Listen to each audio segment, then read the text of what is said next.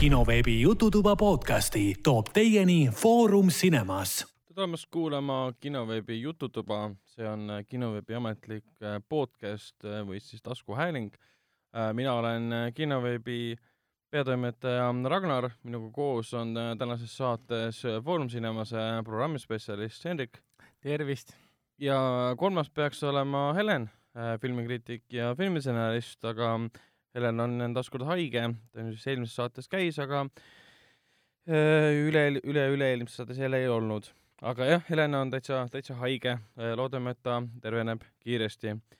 kõik kinoveebi Jututoa podcasti saated on leitavad Delfi taskus, SoundCloudis, Apple podcastis, Spotify's, Google podcastis ja kõikides teistes podcasti rakendustes, see on meie, see on meie viieteistkümnes saade ja nii nagu siis äh, viimaste, jah, viimaste saadete puhul on normiks saanud, alustame seekord uudiste sektsiooni muidugi Christopher Nolani nurgaga, mis on sest nagu sest me oleme ikkagi nolaniidid.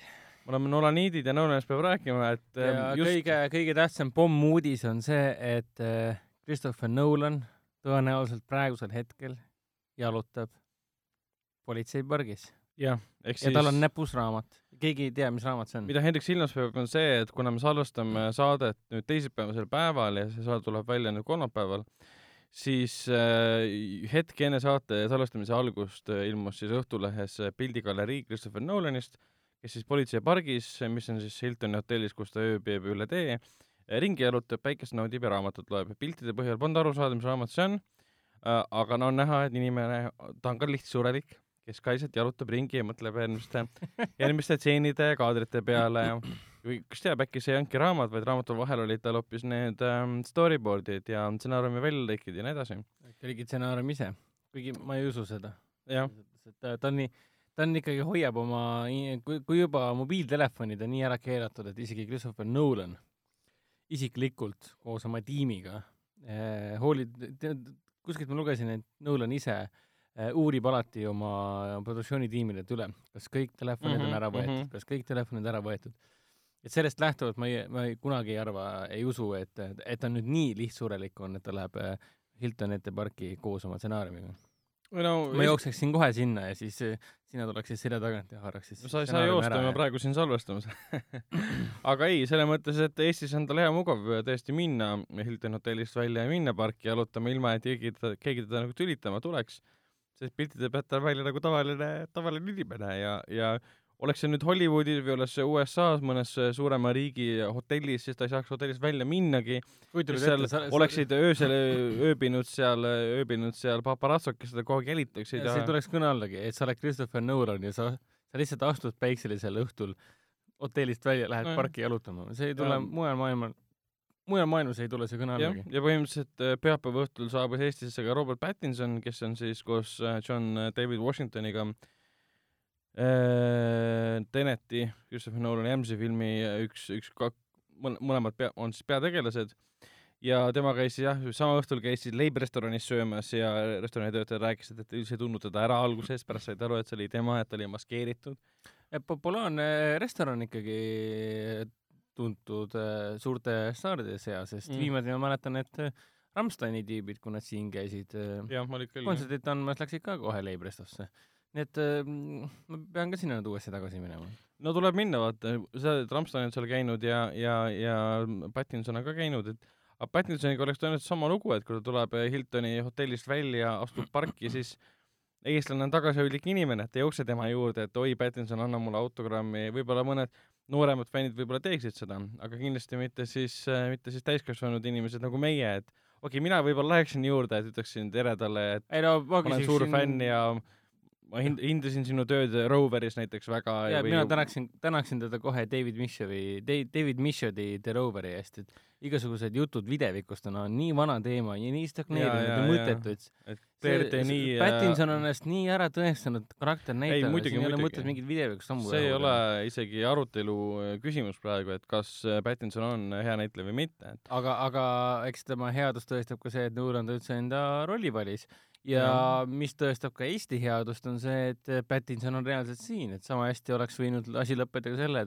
sellega, et teda Pattinsoni stseeni oleks filmitud Eestist, Eestis, tõenäoliselt Eestist leitud äh, kehadublandiga.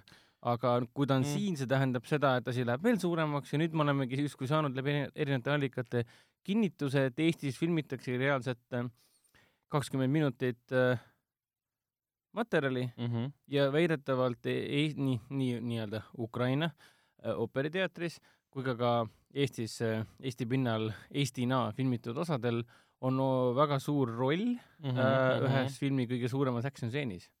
ja et see ongi filmi suurim action või no märulitseen on siis Eestis filmitud, et äh, kui palju see nüüd äh, et nagu mu süda tõele vastab, seda ma veel täpselt ei tea, aga noh, kakskümmend minutit, eks siis nad ei tulnud siia niisama nalja tegema, natuke Eestit ära kasutama, vaid kasutavad üsna prominentselt ikkagi Eestit siin. seda, seda ma aimasingi, et muidu poleks ju, oleks lihtsalt mingisugune location shooting ja siis oleks kõik ju. jah, ja nüüd siis laupäeval alanud äh, võtted kul- kulgesid neil erinevate teadete kohaselt väga hästi, välja arvatud seal, et üks äh, üks osaleja massitseenis sai siis ähm, kuuma, kuuma hülsiga äh, piki, piki nägu äh,, mis oli siis juhus ja, ja, ja õnnetus äh,, võib öelda tööõnnetus äh,, koha peal siis muidugi kiirabi aitas teda ja temal oli kõik korras lõpuks, aga in, in, info see nii-öelda lekkis. kuigi jah no, praegu selliseid asju, selliseid asju ikka juhtub. jah, kõikidel osalejatelt on muidugi nõutud, et nad ei, ei, ei avaldaks, ei, ei räägiks sellest, mis võtetel äh, toimub, aga noh, selles mõttes ikka sõpradele räägid ja sõber räägib edasi ja räägid Facebookis võib-olla või avaldad kuskil mingit infot ja see on palju liikunud infot selle kohta, et äh, kuidas võtted välja näevad, et sul mingi, kuskilt ma kuulsin, et äh, ühte kahekümne sekundilist kaadrit filmiti neli tundi, mis on täiesti loomulik ja arusaadav, filmivõõrale tundub see võib-olla veider, et miks me peame neli tundi passima, ootama siin, et teie saaksite kakskümmend sekundit filmida, aga tuleb aru saada, et ta filmib ikkagi ähm, IMAX-i kaameratega, mis ja, ja filmi lindi peale. filmilint on kallis, et see ei ole digitaalne lõbu, et sa filmid kähku ära, vaatad, haa, see mulle ei sobi, teeme uuesti. filmilint on kallis ja peabki väga palju proove tegema, enne kui sa saad lõpliku variandi kätte.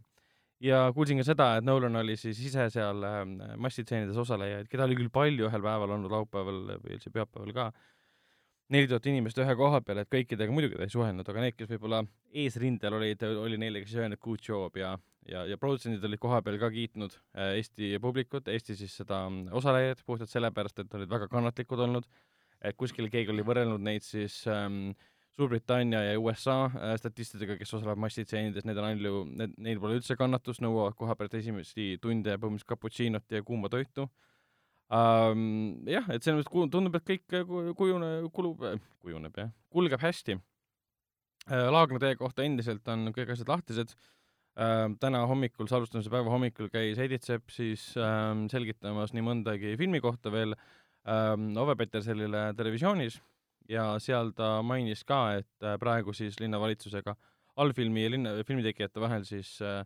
allfilmi filmitegijate ja linnavalitsuse vahel käib siis äh, tihedad ähm, läbirääkimised selle koha pealt, mis saab Laagna teest ja ka vahepeal liikus mingi info, et Laagna tee asemel tuleb hoopis mõni muu maantee. maanteelõik hoopis. et jah, ühesõnaga point on selles praegu, et nüüd kahekümnendal, jah, kahekümnendal saavad läbi linnahalli võtted ja võtted liiguvad erinevatesse kohtadesse Tallinna peale edasi. kahekümnendal juba või? jah, peaks Sa nii olema. ja kas, kas pärast seda on siis osa neist Laagna tee või selle alternatiiviks leitud siis maantee, kas tõesti need Liiva laia ristmikud ja mingid Pärnu maantee ristmikud, mis iganes nad tahtsid kinni panna, kas need lähevad arvesse või mitte, seda veel ei tea. praegu polegi rohkem teada. ehk siis äh, võib arvestada, et Nolanil on päris palju stressi peal, et ta tuli, tuli Eestisse teadmisega, et ta saab siin filmida, aga kellegi, kellegi tegemata jätmise pärast äh, on siin suured vaidlused alles käsil ja võib-olla ei saagi nendes kohtades filmida. ja ta jalutabki päikese käes ja naudib oma raamatut ja mõtleb muudele asjadele kui korraks film. Aga muidugi ta kindlasti hotellis ja siin ähm, teatud kohtades ja Tallinnas, kus siis allfilmi produktsioon praegu on püsti koos Nolani produktsiooniga, harjutavad juba tekste läbi ja stseene läbi ja, ja teevad proove siis näitlejatega. me teame, kolm näitlejat on kohal, ehk siis Jefferson Hall ja John David Washington ja siis äh, Robert Pattinson ise ka. aga Pattinsoni kohta jaa, jaa, tõesti, sul on õigus, et ta ei ole ammu enam see äh, videviku, videviku poiss, et pigem tal, tema puhul oli lahe see, et äh, videvikust ju pääsesid ära Kristen Stewart, kes on nüüd noh, režissöör juba ja suurepärane näitleja ka, teistes palju huvitavates filmides. Ja Pattinson ise samamoodi, et ta sai ju mega-mega kuulsaks, ta sai meeletu fänniarmee endale, aga selles Ja- ja, hundi, hundikutsikast ei olegi midagi eriti saanud ju. osales mingites märulites ja siis kadus ära põhimõtteliselt. ja kuna sai nii kuulsaks ja popis, ta sai endale lubada seda, et äh, tal ei olnud vaja järgmist suurt rolli selle koha pealt, tal polnud vaja järgmist seeriat või suurt kassahitti, et ta hakkaski järjest osalema äh,, osalema sellistes äh, suuremates äh, suuremate režissööride tuntud filmides, aga mitte sellepärast, et sealt raha teenida, vaid pigem, pigem sellepärast, et osaleda nende režissööride filmides, nendega koos töötada. midagi temas ju tegelikult kohe-kohe nähti, et juba Nojah. siin äh, samal aastal, kui Videviku saaga Koidu kuma osa kaks tuli välja aastal kaks tuhat kaksteist, samal aastal tegi ta juba Kosmopoolise nimelise filmi. jah, David Cronenbergi film. ja nii. ta on juba kahes David Cronenbergi filmis osalenud, üks oli see Maps to the Stars Maps for the Stars ja ja Kosmopoolis kaks Jaa. eriti, eriti kummalist äh, et tal oli, tal teo, oli teost David Cronenbergilt, kes teab Cronenbergi töid, siis Jaa. see on väga karm film nii-öelda. ja pärast nagu videviku filmide edu, tal oli küll neid filme, tal oli Waterfall Elephants näiteks koos Reese. Witherspooniga äh,, tal oli selline film nagu Bellamy ja seal Remember Me, mis oli pigem nagu saad aru, et need filmid tehti tema kuulsuse ja, ja nägususe no, tõttu. aga kuna ta oli niivõrd popp ja sai endale neid asju lubada ja raha tal oli, siis ta hakkas ise valima. täpselt, et kes ei tahaks Cronenbergiga töötada, selle tulemusega ta osales David Michodi The Roveris, nüüd eh, sel aastal peaks linastuma ka The King, kus ta mängib, see on ka David Michodi film, ta osales Werner Herzogi filmis Queen of the Desert, ta Mhm. osales mm -hmm. Anton Corbini filmis Life, James Gray The Lost City of Z oli ka näiteks tema. Ja siis eelmise äh,, üle-eelmise aasta väga hinnatud äh, krimifilmis Good Time. ja, ja nüüd siis hiljuti meie eesti keeles ka olnud äh, Claire Denis High Life. Ja muidugi Robert Eggersi The Lighthouse ja nüüd siis jälle äh, Tenet, et äh, temast on saanud sellisest äh, noorte, noorte iidolist ja südamepõksu ja, ja panijast on saanud tõeline karakternäitleja, kes ainult üritab võimalikult huvitavate režissööridega koos töötada, nii et võimalikult palju õppida. Ja seda on nüüd näha ka, et mida siis Cannes'ist, Cannes'ist tuli see info, et William Dafoe, kellega ta koos äh, Lighthouse'is äh, mängib, kiitis teda taevani, et tema ja siis äh, Pattinsoni äh, tööeetika või selline tööloogika on hoopis teistsugused, aga ta hindab seda, kuidas ta läheneb äh, rollile. ja et väidetavalt see mm, The Witch režissööri uus film The Lighthouse, seal vist ongi ainult, väidetavalt seal ongi ainult kaks tegelast. Jah. nii et see on päris, päris suur raskus, mis ühe näitleja õlgadele äh, pannakse, näitleja paari õlgadele. aga see on igale näitleja kogu, filmi. temasuguse näitlejale on see jälle nagu täiesti ideaalne. selle koha pealt, et sa saadki ennast täiesti maksimaalselt proovile panna, ongi sina, teine näitleja ja kaamera ja mängi ennast välja, et yeah. selles mõttes jaa.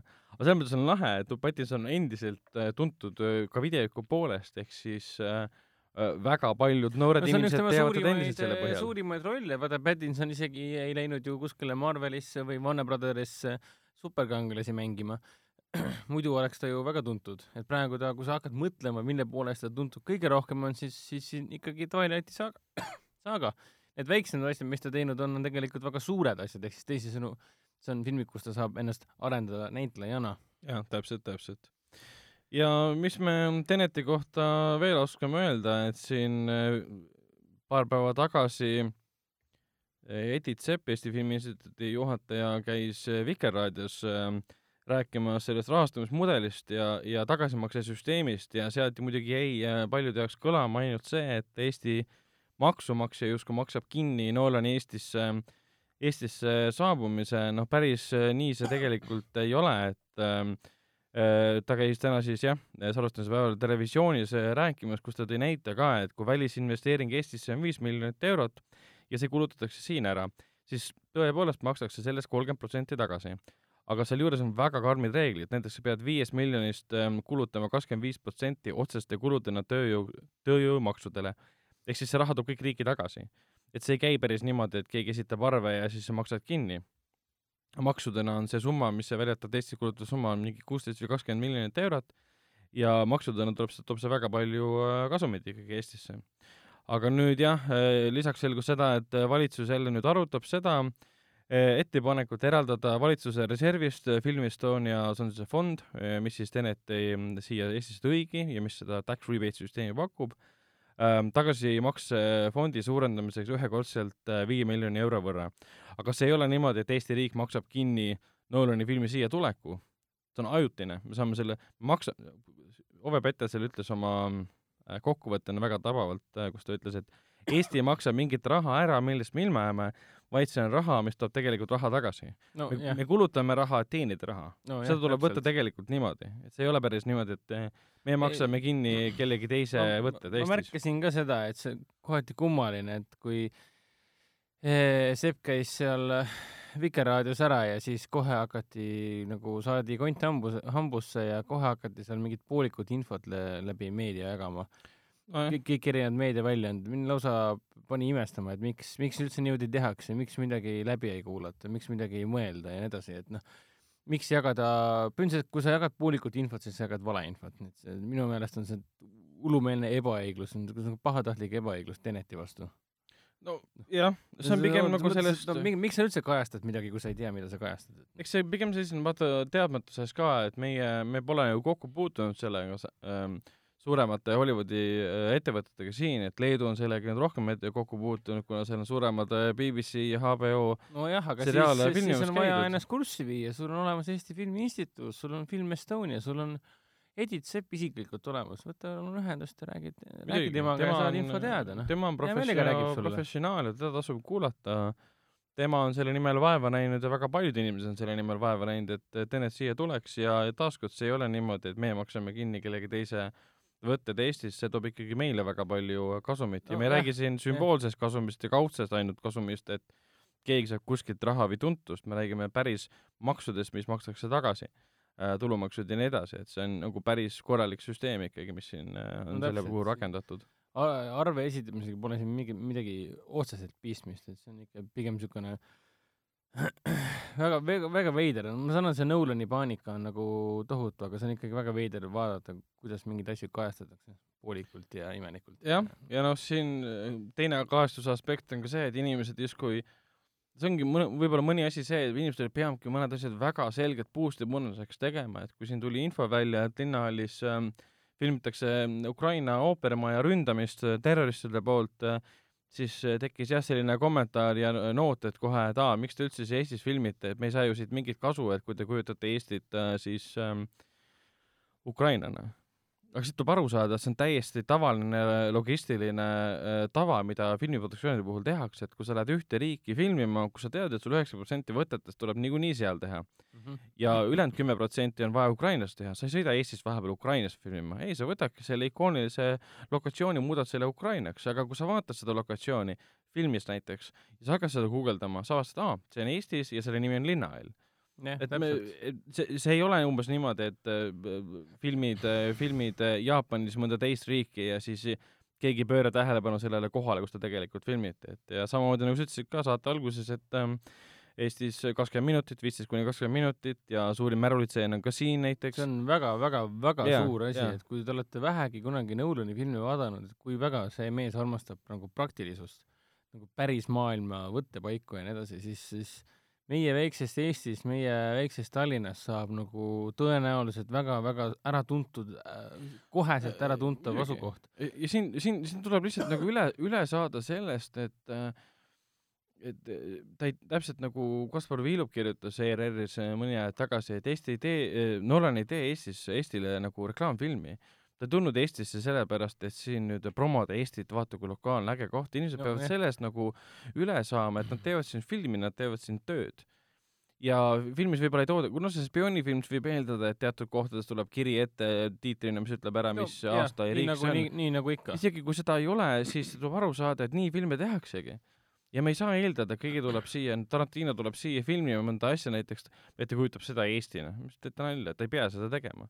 jaa, see on ikkagi fiktiivne film, see on, see on täiesti tavaline praktika, see on umbes sama, kui küsida droonide mängu tegijatelt, kes filmi, filmisid oma äh,, filmisid oma võtted toimusid nii äh, Iirimaal, Šotimaal äh, ja Horvaatias äh, Dubrovnikus, ma, ma võiksin ka siis olla, ütleme nii, et ma olen Dubrovniku elanik ja siis küsin droonide mängu tegijatelt, kuulge, aga kas te siin Dubrovnikut siis üldse ei mainigi, et, et te, te teesklete, et see on mingisugune fantaasia, fantaasia kuningriik et see on, et see on Horvaatia inimesed ei saa muidu aru, et see Dubrovnik on, te ütlete, te ütlete, see on mingisugune Jah. King's Landing, aga see pole küll asi, õige asi et see on sama loogika tegelikult. ja praegu teavad kõik, et see oli Horvaatia, praegu teavad kõik, et see oli Põhja- kogu maailm teab, et see on Horvaatia, selles mõttes, et mina tahan ka praegu Dubro- Dubrovnikus Jah. lõpuks ära käia.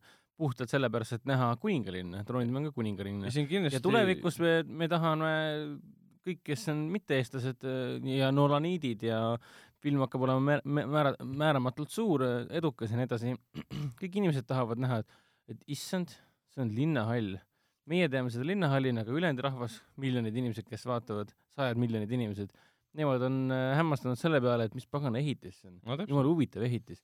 selles linnahallis võib samasugune mega saada nagu Tšernobõlis. ja Laagna tee tegelikult samamoodi, et see on üks no Baltimaades üldse siin äh, kandis Euroopas unikaalne koht, et looduslikult lõhatud paekivi sisse tehtud äh, tunnel, et enamus tunnelid on ju kõik või noh, on sellised äh, tehislikult loodud, seinad on ehitatud, kõiksugused asjad, aga meil on lõhatud sisse äh, paekivi sisse, et see on selles mõttes täiesti unikaalne ja mul oleks väga kahju, kui selle filmid ei saa, kuigi ma jah mõistan probleeme, mis sellega kaasnevad, aga sellest me oleme juba rääkinud ka.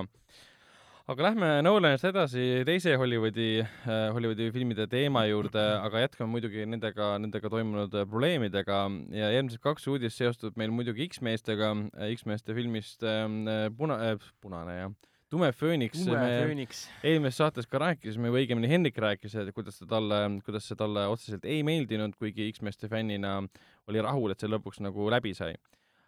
Nüüd vahepeal muidugi selgus, et kuna nüüd, kuna nüüd film on äh, kinodes ähm, korralikult läbi kukkunud ja kriitikutelt rä- räigelt peksa saanud ähm,, tänasus, tänavuses, tänases uudisterubriigis on palju neid filme, mille puhul me arutame Peksa saamist jah. ja probleeme kaadri taga iga, igati õigustatult ka. jah, ja X-meestel see probleemid äh, olidki ja nüüd hakati muidugi pärast linastumist äh, avalikult oma musta pesu pesema ja nüüd äh, Simon Kinberg, režissöör, produtsent, stsenarist äh, äh, Tumeda Phoenixi juures äh, ja kogu seejuures ka olnud tegev, nüüd avalikult räägib sellest, väga paljud räägivad sellest, et mis, mis toimus ähm, filmi võtetele, kirjutati kogu aeg ümber tekste, kuidas lõpp, me eelmises saates rääkisime ka sellest, et lõpud vahetati ko- korduvalt ära põhimõtteliselt ei sarnaneks ei Ja noh, siis ähm, veel see, Endgame'i lõpule ja siis Captain Marveli lõpule. pluss veel see, et nagu Fox ju käis, see protsess oli käimas, et Fox on, tähendab Disney on ära ostmas Foxi, kui kaua tegelikult Fox seda infot tegelikult teadis, Mm. et kujutad, kujuta nüüd ette, et sul on äh, pärast apokalüps-,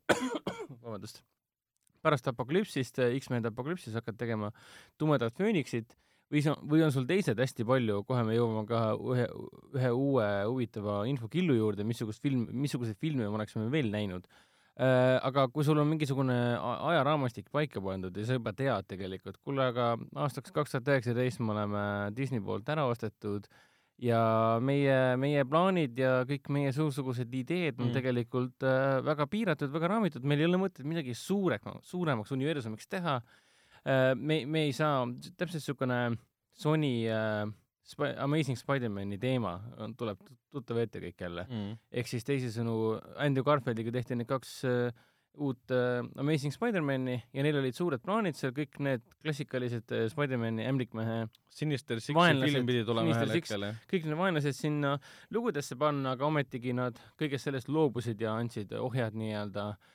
hüppasid äh, Ma- Marveliga ühte paati ja siin selle Foxi X-meestega on tegelikult täp- täpselt sama lugu olevat, et nad teadsid, et meil on aeg on tulnud, nüüd on vaja teha ikkagi midagi ikka lõpuni ja tulemus oli siis Apokalüpsis ja tulemus oli siis Dark Phoenix. ehk siis kaks Jah. täiesti eraldiseisvat filmi, millel ei ole mitte mingit seost äh, uuema seeria nii-öelda parima filmiga Days of Future Past. ja no siin see seos on, sest tegelased korduvad, aga see on ka kõik. seda küll, aga eks siin on palju ette heidetud seda, et li- lihtsalt hüpatakse kümnenditest edasi, et küll on kuuekümnendad, siis seitsmekümnendad, siis kaheksakümnendad ja nii edasi. No et ja Dark re- Phoenixi puhul oligi kõige imelikum see, et tegid jälle täiesti ebavajaliku hüppe ajas. Jah. et see läks mingi kümme või kakskümmend aastat edasi või midagi. kõik tegelased, oli vist midagi taolist, kümme või viisteist aastat, kõik tegelased näevad täpselt sama vanad välja, keegi näeb vanem välja. täiesti ebavajalik, miks te hüppate kogu aeg, kuhu te hüppate, miks? ei no üks asi on see, et me, et me teeme, teise Fuse Päästiga lõime uue ajaliini, aga teine asi on see, et äh, ei maksa ju üleliia minna.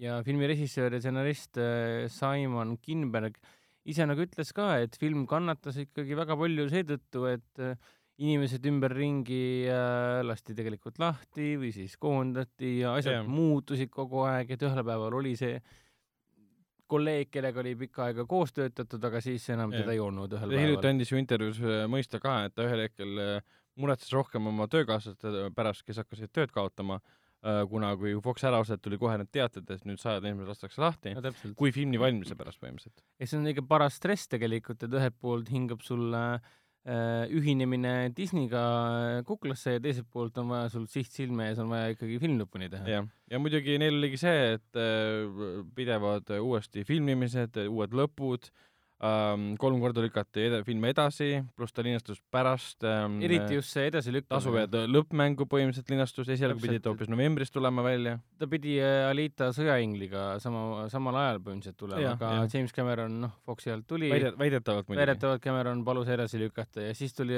Endgame, mis põhimõtteliselt hävitas kõik oma teel, Captain Marvel oli enne seda, ehk siis totaalne Marveli ülevõtmine nii-öelda, Marvel mm. võttis nii-öelda kevade ja suve üle, Endgame tuli aprilli lõpus ju, meil on Endgame siiamaani kinos, noh, juuni lõpp Mm. on kohe käes, noh. samas on tuleb lõpuks Dark Phoenix ja siis mõni ime, et äh, see on umbes, see on samas nagu veidrus ka, et vaata see Sony, Sony Venom oli ju üliedukas. ta oli tõenäoliselt ikkagi siis õige ajastusega mm. ja Mm. väga õige karakter oli valitud.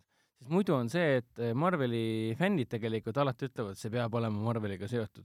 mis mõttes? kõik need jumala vihased, kui Venom hakkas välja tulema. Ja X-meestega võib olla täpselt samasugune tunne, et aa, ei ole mõtet vaatama minna, pole mõtet isegi positiivne olla, kui isegi mulle natukene võib film meeldida. Nad, Marvel teeb X-mehed uuesti, Disney teeb X-mehed uuesti, meil ei ole mõtet enam nutta tagajärgi no see ei ole ka päris aus, et need Fassbenderi ja. McAvoy töö on ikka seni olnud jumala äge nendes seerias. üle kivide ja kändudega üldjuhul on tegelikult see X-mehed, mis me oleme saanud, on väga hea olnud. Aga noh, nüüd on ikka niisugune steady decline olnud. aga siin pole ka muidugi point ka selles, et justkui oleks valel ajal linastunud, see film oli lihtsalt halb. ta oli selles mõttes küll. halb, et eh, need eh, produktsiooni probleemid, kaadritagused eh, probleemid, kõik andsid ennast räigelt tunda. kõik see lõpu ümber filmimised, see, et dialoogi kirjutati ümber, sõnum kirjutati ümber, see kõik andis endast tunda. need stuudios olevad äh, insiderid on ise ju vahepeal lekkisid ka see info nii-öelda, et kõik rääkisid ka, et äh, tegelikult võeti väga palju valesid äh, õppetunde apokalüpsisest Mm -hmm. ja et äh, Kinberg ise ütles, et nende eesmärk oli teha väiksema, intiimsema filmi nii-öelda. no see väiksem, intiimsem film oli mingis mõttes ju First Class ja Days of Future Past, et kui Dark Phi- väiksem muidugi no. selles mõttes väiksem, intiimsem, et sul olid, mis olid kaks, kaks kõige olulisemat asja. tegelased on kõige olulisemad ja nende lood. Mm. ehk siis teisisõnu, miks sulle First Class äh, ja of Future Past meelde jäid, sellepärast et äh, James McAvoy võtmas sisse ainet, mis annaks talle äh, jalad tagasi, et ta saaks liikuda, aga ta ohverdab selle nimel oma telepaatilised võimed. noh, juba see, selline, selline areng, selline kaar, mis on tegelase loodud, juba see on väga ilus, inimlik ja andekas. ja see töötab ühe tegelaseks väga hästi. Dark Phoenixis seda nagu üldse ei olnud. et tegemist üsna tühja, tühja kommipaberiga, võib öelda. Aga vahepeal tuli ka siis uus info välja, et tõenäoliselt kui te kirjutate Google'isse sisse niisuguse asja nagu E- X-Men Fear the Beast, siis tõenäoliselt esimese, esimese paari, esimese paari lingi alt te leiate uudistelõigu ja sealt alt leiate ka stsenaariumi, mida alla laadida. see on siis nimelt stsenaarium, mis äh, kirjutati põhimõtteliselt äh, pärast äh, Days of, Days of Future Pasti või oli mõeldud filmi lugu leiab aset siis pärast Days of Future Pasti ja oli plaanis ühel hetkel, mingi mõttekõlks vist isegi oli, päriselt plaanis midagi ei olnud, oli mõte teha Nicholas Holti Beastist ehk siis Elajast oli tehtud, mõte teha eraldi film. Mm -hmm. ja nüüd on see- need infod kõik väljas, mis, millest see film oleks rääkinud ja ausalt öeldes ma oleks seda filmi pagana hea meelega vaadanud. et rohkem jääb siin mulje, et no siin võrreldakse ise seda, et stsenaarium äh, tonaalsuselt justkui meenutab äh, John Carpenteri The Thing'i. noh, ja siis teiselt poolt ta meenutab natuke Loganit. ehk siis selline väiksemat sorti film äh, elajast ja sellest, kuidas ta püüab olla noh, püüab, püüab eksisteerida inimeseks olemise ja, el ja elajaks olemise vahel mm. -hmm. justkui. et väga põnev lugu iseenesest ja, ja siin tuleb ka killuka välja, kuidas nad noh, mõtlesid välja plaane, kuidas laiendada X-meeste universumit, et toome selle klassikalise põhipaha Mr Sinisteri tagasi, tema on see niiditõmbaja, tekitame oma taanuse ja kõik see, et noh, põhimõtteliselt ühe filmiga paned järg-, aluse järgmistele filmidele, et kui Nojah, kui seda, oli kui seda, kui äh, Disney päris- poleks ära ostnud, oleks siis tekkinud see olukord, kus siis X-mehed oleksid le- saanud leid-, leidnud omale uue jalgealuse, Mm. aina suuremaks muutunud. et kahju, et me seda enam ei näe. Ja neil oli päris palju asju plaanis, et neil oli mitu aastat töös Gambiti film ka, kus siis ähm, Channing äh, Tatum pidi mängima, aga see nüüd langes ka ära, et äh, muidugi kahju. aga noh, eks need olid nende probleemid ja, ja muud, muud probleemid ka, eriti just muidugi üleostmine ka, et inimesed kadusid ja kadus selline motivatsioon neid filme teha ka ära. rääkides äh, motivatsioonipuudusest, siis äh, Mehed mustas äh, globaalne oht, Men in Black International, mis nüüd eelmisel äh, möödunud äh, nädalal kinodes alustas ja millest me pärastpoole saate lõpupoole räägime ka. Selle filmi kohta, kuna sellel on Rotten Tomatoesis praegu vist mingi kakskümmend kolm, kakskümmend neli protsenti nii-öelda jutumärkides heakskiit ja kuna see teenis kõige vähe, tegi siis kõige väiksema avangu äh, võrreldes varasema kolme filmiga, siis nüüd hakkasid ka lekkima täpselt nii nagu Dark, Dark Phoenixi puhul lekkima siis infot, eriti just ähm, The Hollywood Reporter kirjutas sellest, et mis draama seal taga toimus ja selgus, et miks see film oli selline, kuidas nüüd öelda, ebavajalik äh,, ei suutnud tabada seeria maagiat ähm,, tundus kuidagi üle käe tehtud ja oli selline tühi ja, ja no kõige, kõige mõjusam asi, mis pärast filmi meelde jäi, oli see sõnakõlks ehk siis ebavajalik. jah, et miks? ja miks see juhtus, oligi siis sellepärast, et äh, selle filmi loomise taga on ka päris suured ähm, draamad. Peamine draama seisnes seal siis äh, Reish ja Refkeri Gay ja siis äh, produtsendi vahel, et äh, mis ühel hetkel läks isegi nii kaugele, et nad võitles võitlesid ka selle nimel, et näiteks äh, värvikorrektsiooni puhul, et äh, mismoodi peaks film välja nägema. Ja nad kirjutasid siis võtetel ka stsenaariumit ümber, et neil oli esialgne versioon stsenaariumist olemas, ja see olevat, olevat kõigile meeldinud, see olevat väga hea olnud, selle stsenaariumi kirjutasid Art Markum ja Matt Holloway, kes on kogu, kogu seeriat algusest peale kirjutanud täpselt, mis on täiesti arusaamatu, et miks sa selle siis ümber keerutad. ja see olevat väga terav ja väga kaasaegne, väga põnev ja lugu. modernseid teemad, teemasid Jaa. lahanud, pluss nad olid immigratsiooniteema sinna aga sisse siis tuli toonud see rohkem ka. vanakooli produtsent Walter Parks tuli vahele ja põhimõtteliselt andis mõista, et eh, muudame kõik ümber ja tema sõna on viimane sõna ja nii oligi mm.. Ja siin isegi kirjeldatud eh, siin raportites, et äh, stuudio ise, Sony ise põhimõtteliselt istus, jättis ennast nagu tahaplaanile, jättis äh, ja lubas produtsendil kõike teha. jah, samal ajal kui reisijad ja produtsendid omavahel kaklesid ja kuna produtsendil jäi siis nagu viimane sõnaõigus selle koha pealt, milline versioon filmist, lõpus valmis sellest kaks versiooni, milline versioon filmist kinno läheb, siis see, seda versiooni praegu kinodes näemegi. ja kõige nagu kurvem oli võib-olla see, et sul on õigus, need kaks stsenaristi, kes kirjutasid kogu seeria suurepärast stsenaariumit, okei okay,, kolmas osa võib-olla ette- näitis jaa, aga isegi märke. kolmanda osas sisu oli tegelikult Jaa. väga tore, et meil on Tommy Lee Jones ja me hüppame minevikku, kus Tommy Lee Jones muutub Josh Broliniks, et No see on ju väga tore idee ja tegelikult. neljanda osa stsenaarium oli niivõrd hea olnud ja sellepärast Tessa Thompson ja Chris Hemsworth, Chris Hemsworth sellega liitusidki. aga kuna nad kirjutasid võtetel seda nii palju ümber, see tulemus see, et Thompson ja siis, siis ähm. Hemsworth palkasid endale dialoogide kirjutajad, sest need sa- igapäevaselt said uued leheküljed äh, võtete jaoks, mida nüüd teeme ja kõik see töö, mis nad olid enne teinud, dialoogid selgeks õppinud, stseenid, karakterid selgeks õppinud ja olid valmis võteteks, jõudsid kohale, siis avastasid, aa, meil on kõik ümber kirjutatud, ümber tehtud. nüüd hakkame hoopis nullist arutama, seetõttu see film tunduski nii nadi ja kuidagi, kuidagi sihitu ja selline igast otsast kuidagi konarlik. et ta isegi ei üritanud, kõik kurvem minu jaoks selle filmi juures, ma, issand, ma lähen liiga kiiresti selle filmi juurde, pärast me räägime, Räägime sellest hiljem. Aga siis oli ka- see selgus, et Neil Moritz, kes siis on, oli, tähendab, Kiirete vihasete seeria üks põhiprodutsente, kes sealt äh, hiljuti ka lahti lasti või noh, lahkus pigem. tema, tema, tema oli üks põhjustest, miks vahepeal ähm, plaanis olnud Men in Black ja Jump Street äh, crossover film ära äh, jäeti. see oli see jutt, mis tekkis pärast seda, kui ähm, see oli Twenty Two Jump Street tuli kino- Twenty One ja Twenty Two. kakskümmend kaks tuli kinodesse ja siis pärast seda hakkas jutt le- lev- levima, et me tahame, tahetakse teha siis Mehed mustas ja kakskümmend kaks Jump Streeti no see jutt tegelikult film. hakkas levima tänu Sony äh,, Sony häkkimisele. idee oleks nagu iseenesest päris huvitav olnud jah, et sul on uued Mehed mustas saavad kokku siis äh, Jonah Hilli ja Johnny Tatumiga, ühed on siis äh, undercover nagu politseinikud ja teised on siis äh, kaitsevad maad äh, kosmose universumi saasta eest. no iseenesest võib-olla see Nagu- nagu... olekski olnud see, mida see seeria oleks, oleks vajanud. kui teisiti kuidagi ei oska, siis äkki selline, selline crossover spin-off oleks just nimelt töötanud. eriti see on sellist, selliste ägedate nimedega, et kes ei tahaks vaatama minna. absoluutselt. Twenty, Twenty Free Jump Street, Men in Black, noh. et ausalt öeldes äh, mitte? Tõenäoliselt kui, kui, kui see film oleks tehtud äh, ja enne ta kinodes oleks tulnud, mul oleks võib-olla olnud selle kohta mit-, kahetised tunded, et äkki ma ei taha seda näha, et miks kaks absurdset seeriat, miks te need omavahel kokku panete.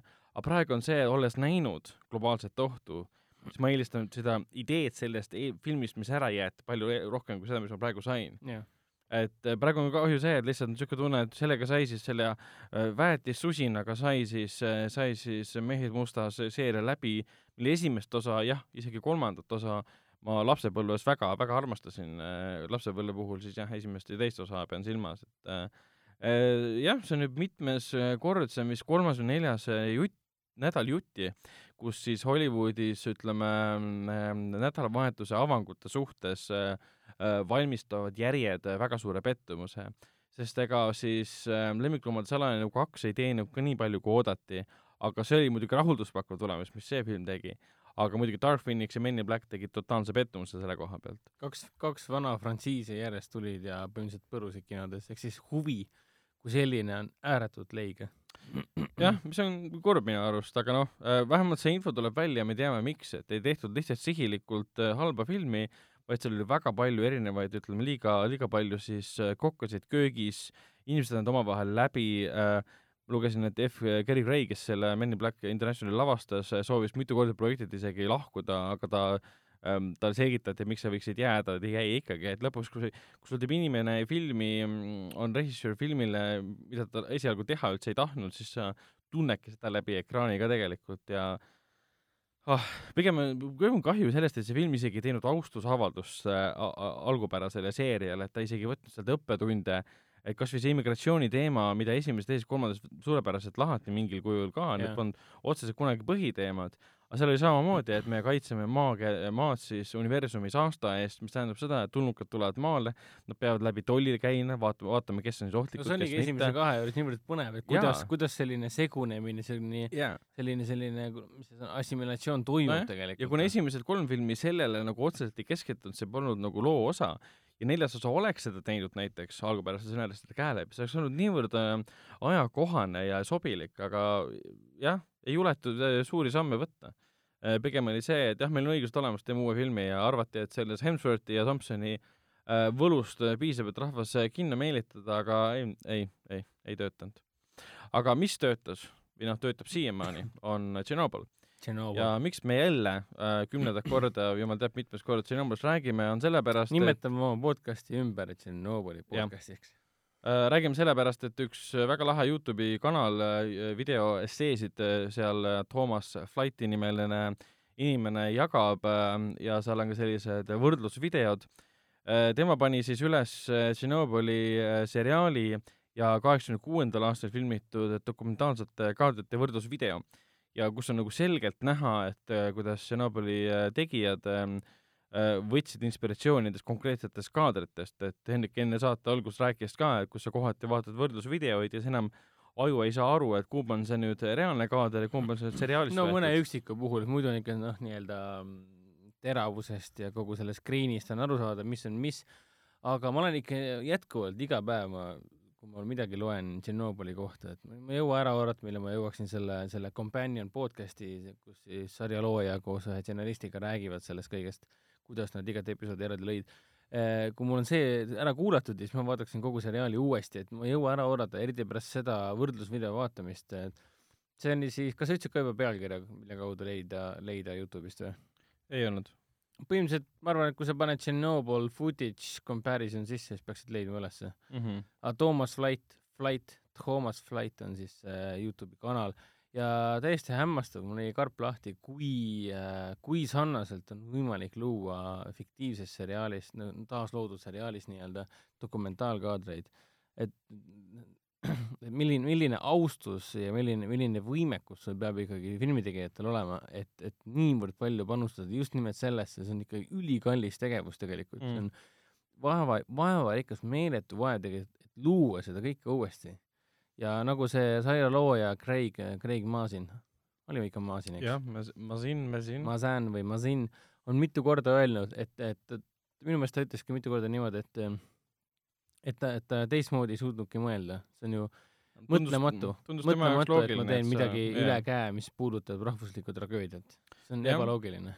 Ja nende muidugi nende dokumentaalsete ähm, kaadritega on ka see, et need on videod, mida me kõik mingil äh, kujul suuremal või vähemal määral oleme võib-olla Youtube'ist näinud, kui me oleme mingil ajahetkel oma eludes äh, guugeldanud või Youtube'ist otsinud Tšernobõlit ja seetõttu võib-olla kuna need pildid, need videod, need kaadrid on meil äh, nagu ajusse äh, mälestustesse kuskil nurkadesse peidetud ja siis nüüd seriaali vaadates ka sa tunned nagu hirmuäratavalt, et see on nii äh, realistlik ähm,. Ähm, realistlikuks peab seda seriaali ka mm, Venemaa Kommunistlik äh, Partei, aga mi-, aga ütleb, et äh, nende arvates vähemalt ähm, kõik see, mis puudutab Nõukogude Liidu mm, ühiskonda, institutsioone ja inimesi, eriti nendevahelisi suhteid, on täielik äh, vale ja väljamõeldis. Ja nimelt siis vahepeal vahendas The Wrap uudist, kus siis ähm, äh, Nõukogude, tähendab, Venemaa Kommunistlik Partei tahab siis Greg Massini, HBO produtsendi ja stsenaristid kohtusse kaevata äh, avaliku vale, valeinformatsiooni levitamise eest. sellepärast, et see seriaal, HBO seriaal äh,, nende sõnul on ide-, ideoloogiline tööriist äh,, millega üritatakse Nõukogude Liidu ajalugu ja rahvast ja ka praegust siis Venemaad demoniseerida äh, kes iganes niimoodi räägib, on ise üks paras äh, Mis on- ideoloogiline tööriist. see on täiesti naeruväärne puhtalt sellepärast, et see seriaal on Venemaal juba linastunud, nad nõuavad seriaali ärakeelamist ka pealekauba. pärast seda, kui see on juba linastunud. jah, see on juba linastunud ja see on erinevate statistikaandmete järgi väga populaarne olnud Venemaal. aga nüüd me vi- võib-olla mõnes saates oleme seda varasemalt ka rääkinud ka, et NTV vist üks äh, Venemaa telekanal on juba äh, võttesse juba läinud äh, oma äh, seriaaliga Tšernobõlist, aga selle asemel teha nagu realistlik äh, ja tõsine seriaal toonastest sündmustest, kaheksakümne kuuenda aasta sündmustest, teevad nemad siis vandenõuteoorial äh, põhineva seriaali, mis siis räägib sellest, kuidas äh, KGB üritab peatada CIA agente kaheksakümne kuuendal aastal Tšernobõlis, mis justkui viitab nagu CIA oleks süüdi olnud Tšernobõli tuumakatastroofis. Mis jällegi viitab sellisele täpselt nendele samadele teemadele, nii selle uue seriaali loomine, mis põhineb vandenõuteoorial, kui ka siis äh, kommunistliku partei äh, suhtumine viitab kõik sellele, mida siis seriaali looja Craig Massin ise seriaalis mitu korda välja toob, et me äh, kardame häbistamist äh, niivõrd palju, et me oleme valmis valetama asjad kokku ja looma oma versiooni tõest ja kui me valetame niivõrd palju, kas me enam saame aru, mis on tõde ja kõik sellised asjad. no täpselt. ja see on see, kuidas äh, seriaalis kujutatud äh, reaalsus äh, põhimõtteliselt kordab ennast ka noh, praeguses reaalsuses. vot, aga mis, mis, millega me jätkame, liikudes Tšernobõli juurest edasi, vahepeal äh, tuli uus info Jokkeri filmi kohta, see on siis äh, Todd Phillipsi lavastatud Jokkeri film, Todd Phillips on siis see mees, kes kirjutab, lavastas tähendab siis Hangover ühe, kahe ja kolme naljakas seos muidugi on see, et Tšernobõli looja Greg Massin kirjutas ka ähm, siis äh, Hangover kahe ja kolme stsenaariumid. jah, ehk siis mõlemad on edasi läinud väga süngetele radadele. oo oh jaa, Jokkerist ähm, siis avaldati, kas see oli Todd Phillipsi enda Instagramis uus pilt, kus on väga-väga jõhkralt äh, imelik ja rõve kahtlane creepy pilt äh, Joaquin Phoenixist Jokeri äh, kostüümis äh, maskeeringuga ja kinnitas ära, et film tuleb siis RR reitinguga, mis tähendab äh, põhimõtteliselt Eestis seda, et see on siis alla neliteist äh, keelatud tõenäoliselt. sõltub, K kaksteist või K neliteist. jah, täpselt. et see on no, väga Jokeri, Jokeri film, ma usun, et on pigem K kaksteist siis. aga see on väga tore uudis, et äh, sest peale, peale nagu Deadpooli või siis jah, Deadpooli pole olnud ühtegi, ühtegi filmi, superkangelase filmi, mis kuuluvad nagu DC ja Marveli universumisse, mis on suured filmid suurte staaridega, millel oleks olnud R-reiting, kuigi Suicide Squadil vist oli ka R-reiting, kui ma ei eksi. see, jaa no Logan on ka ju. jah, ja Logan ka tegelikult äh,. okei okay,, on, on olnud neid, aga neid on olnud vähe selles Batmani, mis kõik, mis puudutab Batmani. mõttes äh,. Batmanil pole olnud, minu teada. sest ega see Dark Knight ei olnud R-rated. Dark Knight ei, ei, MS kaksteist, et ei, sul on õigus jah, Logan ja, ja nüüd Jokker ja siis Deadpool, Suicide Salk ja nii edasi. Suicide Salk, need on R-rated need. nagu olid, panid justkui oma ka- promokampaania nii-öelda nina ette justkui selle, et oh, me oleme väga tuusad, me oleme, meil on vabad käed, me oleme nüüd K neliteist, me oleme K kaksteist, mis nagu enam-vähem, okei okay,, Suicide Salgast ei pea, Suicide Salgal ei pea pikemalt peatuma, aga Logani puhul töötas see taoline R-rating väga-väga väga, väga hästi, ma kujutaks ette, ma ei kujutaks mitte kuidagi ettegi, milline Logan üldse peaks välja nägema, kui seal ei oleks äh, äh, keelureitingut peal. oo oh, jaa uh,. Jokeri filmi kohta veel nii palju, et ilm- linastub ta oktoobris Mm -hmm. ja mina seda ootan igatahes väga, ma tahan näha, mida nad sellest filmist äh, välja äh, ehitavad ähm, ja kas see lõpuks seostatakse kokku siis praeguse DC filmide sellise universumiga äh,, ehk siis post justi- äh,, post õigluse liiga äh, DCU, sest äh, pärast õiguse liigat on põhimõtteliselt ainult tulnud filmid, mis üritavad olla võimalikult eristuvad üksteisest ja võimalikult kaugele mingist universumist ja Aqu- Jaa, Aquaman ei seosta ennast Shazamiga ja nii edasi. praegu tundub küll, et äh, Aquaman ja Shazam on äh, rahulikult kõrvuti koos äh,, ma ei tea, Wonder Womaniga ja uue Batmaniga, aga, aga seesamune Jokker ei tundu küll mitte kuidagi olevat, mitte see, kogu see treileri tonaalsus ja kõik pildid, mis me näinud oleme, see on väga-väga Logan-lik nii-öelda.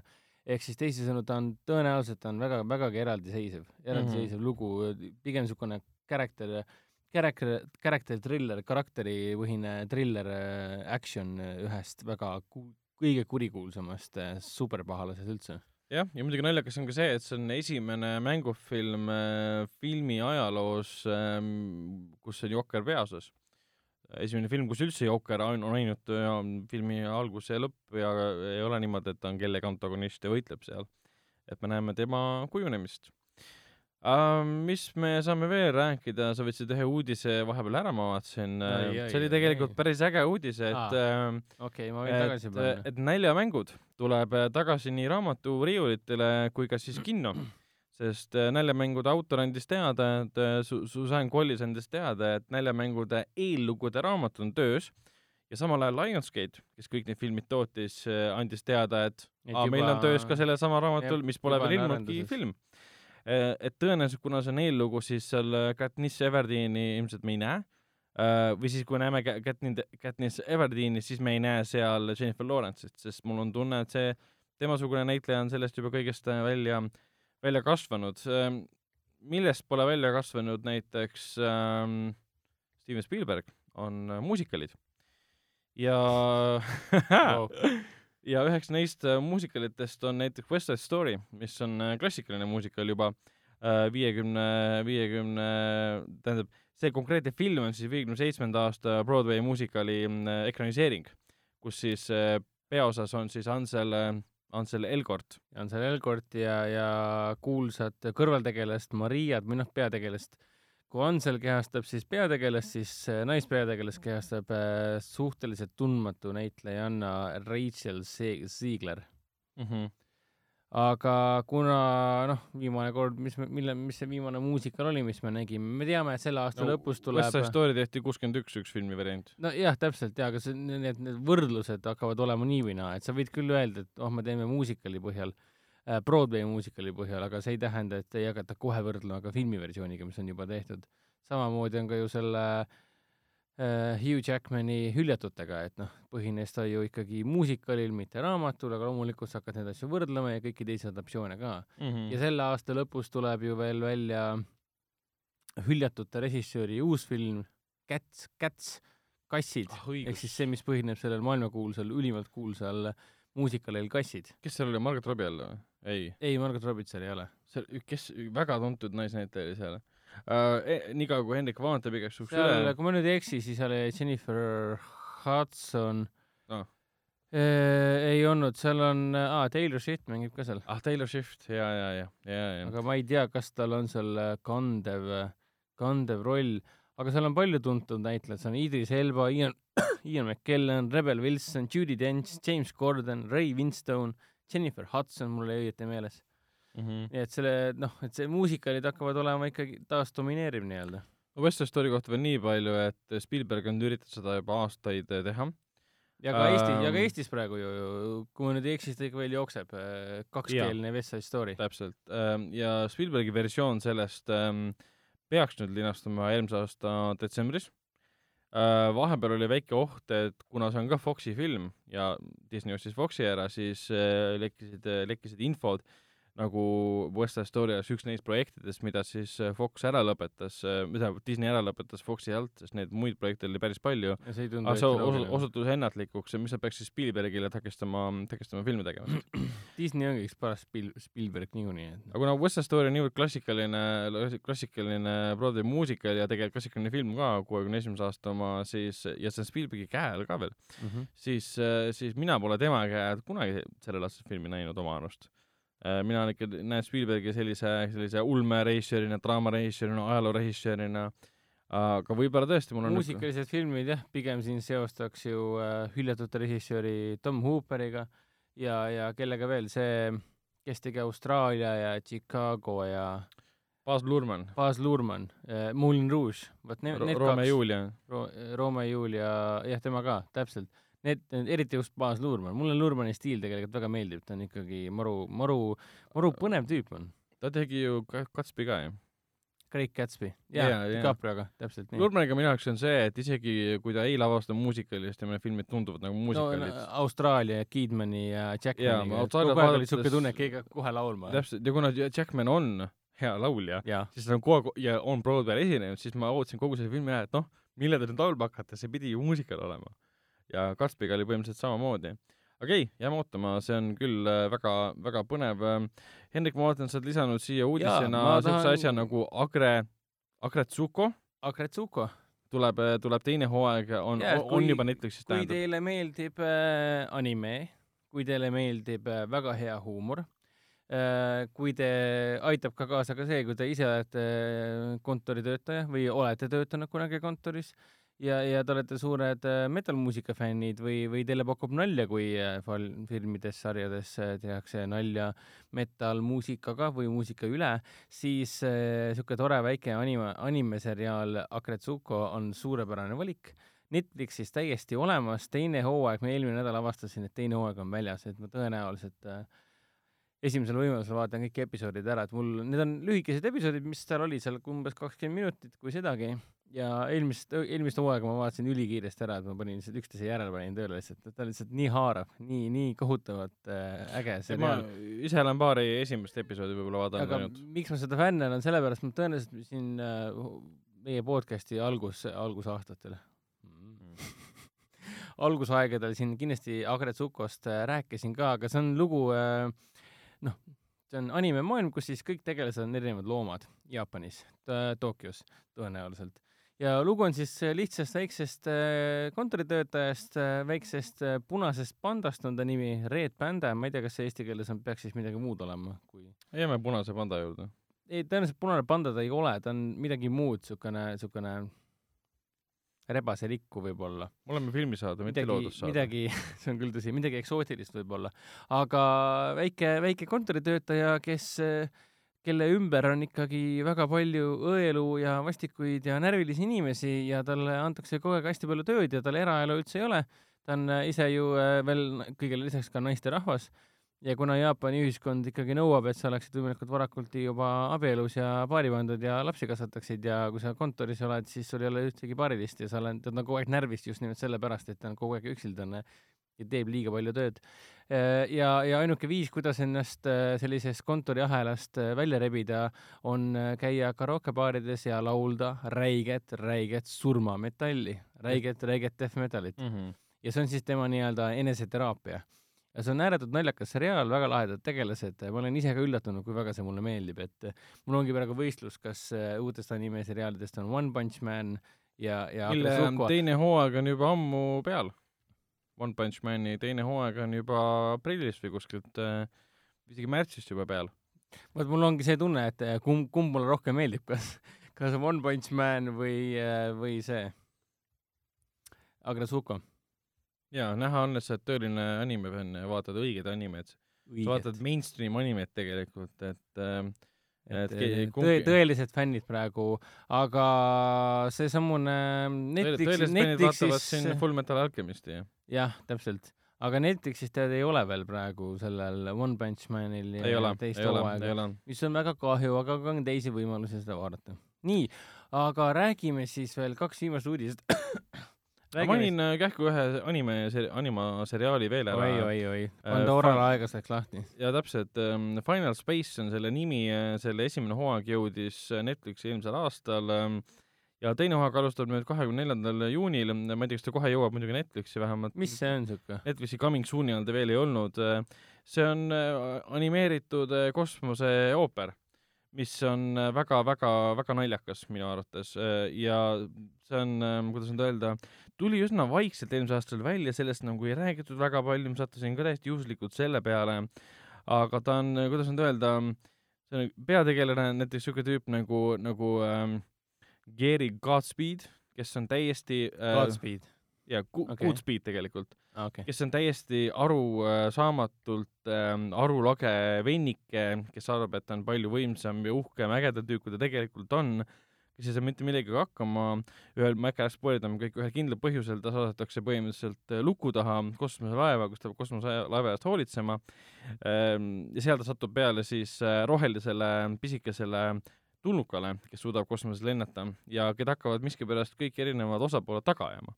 Ja need jaburdused, mis tema siis äh, seikluste käigus juhtuvad, on väga-väga naljakad. kohati meenutab ähm,, ta ei ole ropp nagu Rick and Morty, aga ta on jabur nagu Rick and Morty, ta on kohati nagu, nagu Futurama jabur, ta on nagu Simpsonid jabur, aga tal on selline oma nurk leitud, et ta ei võlu, noh, ma ei räägi, ma ei mõtle nüüd seda, et Rick and Morty võlub roppustega, aga see aitab väga palju kaasa. siin seda pole, ma soovitan tõesti proovida.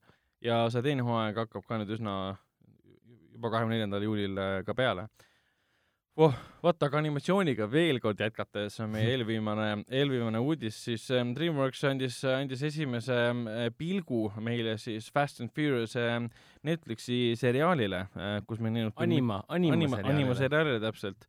et see on siis nüüd äh, teine spin-off äh, kogu selles, kogu selles seerias, et sul on kaheksa põhifilmi ja nüüd see aasta tuleb välja Hobbs and Shaw ehk siis, ehk siis äh, Kiirete veaste üheksas film tuleb siis välja äh, Kiired veased Hobbs and Shaw. tähendab, see ühek-, noh, kogu seeria mõttes on üheksas film tuleb juba augustis. aga see ei ole mitte põhiseeria, vaid see on harulugu ehk siis spin-off nii-öelda kus siis on Dwayne The Rock Johnson ja Jason, Jason Statham augusti alguses hakkavad jälle möllama nii, nagu keegi pole kunagi möllanud. täpselt, ja Netflixi jõuab siis, jõuab siis äh, Fast and Furious Animated Series. kuidas tundus esimese diiseli põhjal? äh, tead, see diiser on nii pisikene, väike, kahekümne kaheksa sekundiline, et siin midagi välja ei, ei loegi. Missugune see välja nägema hakkab, seda ka täpselt nagu ei näe, ei saa aru, aga kuna see on DreamWorksi, DreamWorks Animationi loodud, siis tõenäoliselt väga, väga kole ei saa olla. Aga mind ennast tegelikult paneb kulmu kergitama just nimelt see lugu tegelikult, et see on täpselt samasugune räme action, action nagu meil Kiired ja veased koos Dominic Toretto ja tema perekonnaga on, Mi Familiaga, aga peategelaseks on teismeline mees nimega Tony Toretto, teismeline poiss. teismeline poiss nimega Tony Toretto. ta on Ja- siis ja- Toretto ja- ja- perekonna, siin on mis, kirjas, et ta on äh, Dominic Toretto nõbu.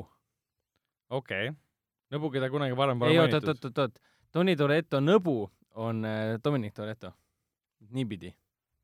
aa, oota, Tony Toretto nõbu on äh, Dominic Toretto ja siis tema liigub nii-öelda oma kuulsa sugulase jälgedes ja ta hakkab ka olema, see sarja nimi on Fast and Furious äh, Spy Racers. Spy Racers. Spy Racers. nii et siis okay. niimoodi tegelevad ähm, rahvusvahelise spiona-, spionaažiga, vabandust. ma arvan, et see seriaal äh, räägib äh, ikkagi nagu street racing ust ja kõigest muust, et ma arvan, et sellest ka, aga eks, eks tuleb alati natukene Mm. Mm. maailma päästmist ja, ja kõike, kõiki neid toredaid asju juurde panna.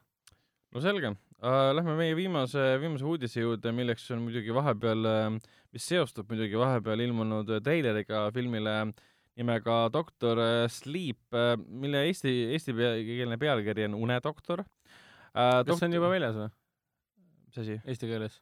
Raamat või? jah, ei, minu teada ei ole. kust sa tead, et unedoktor on? erinevad arvustused olid seda niimoodi tõlkinud ah,, okay. arvustused, mis tegid hiilgust, hiilguse arvustused tähendab.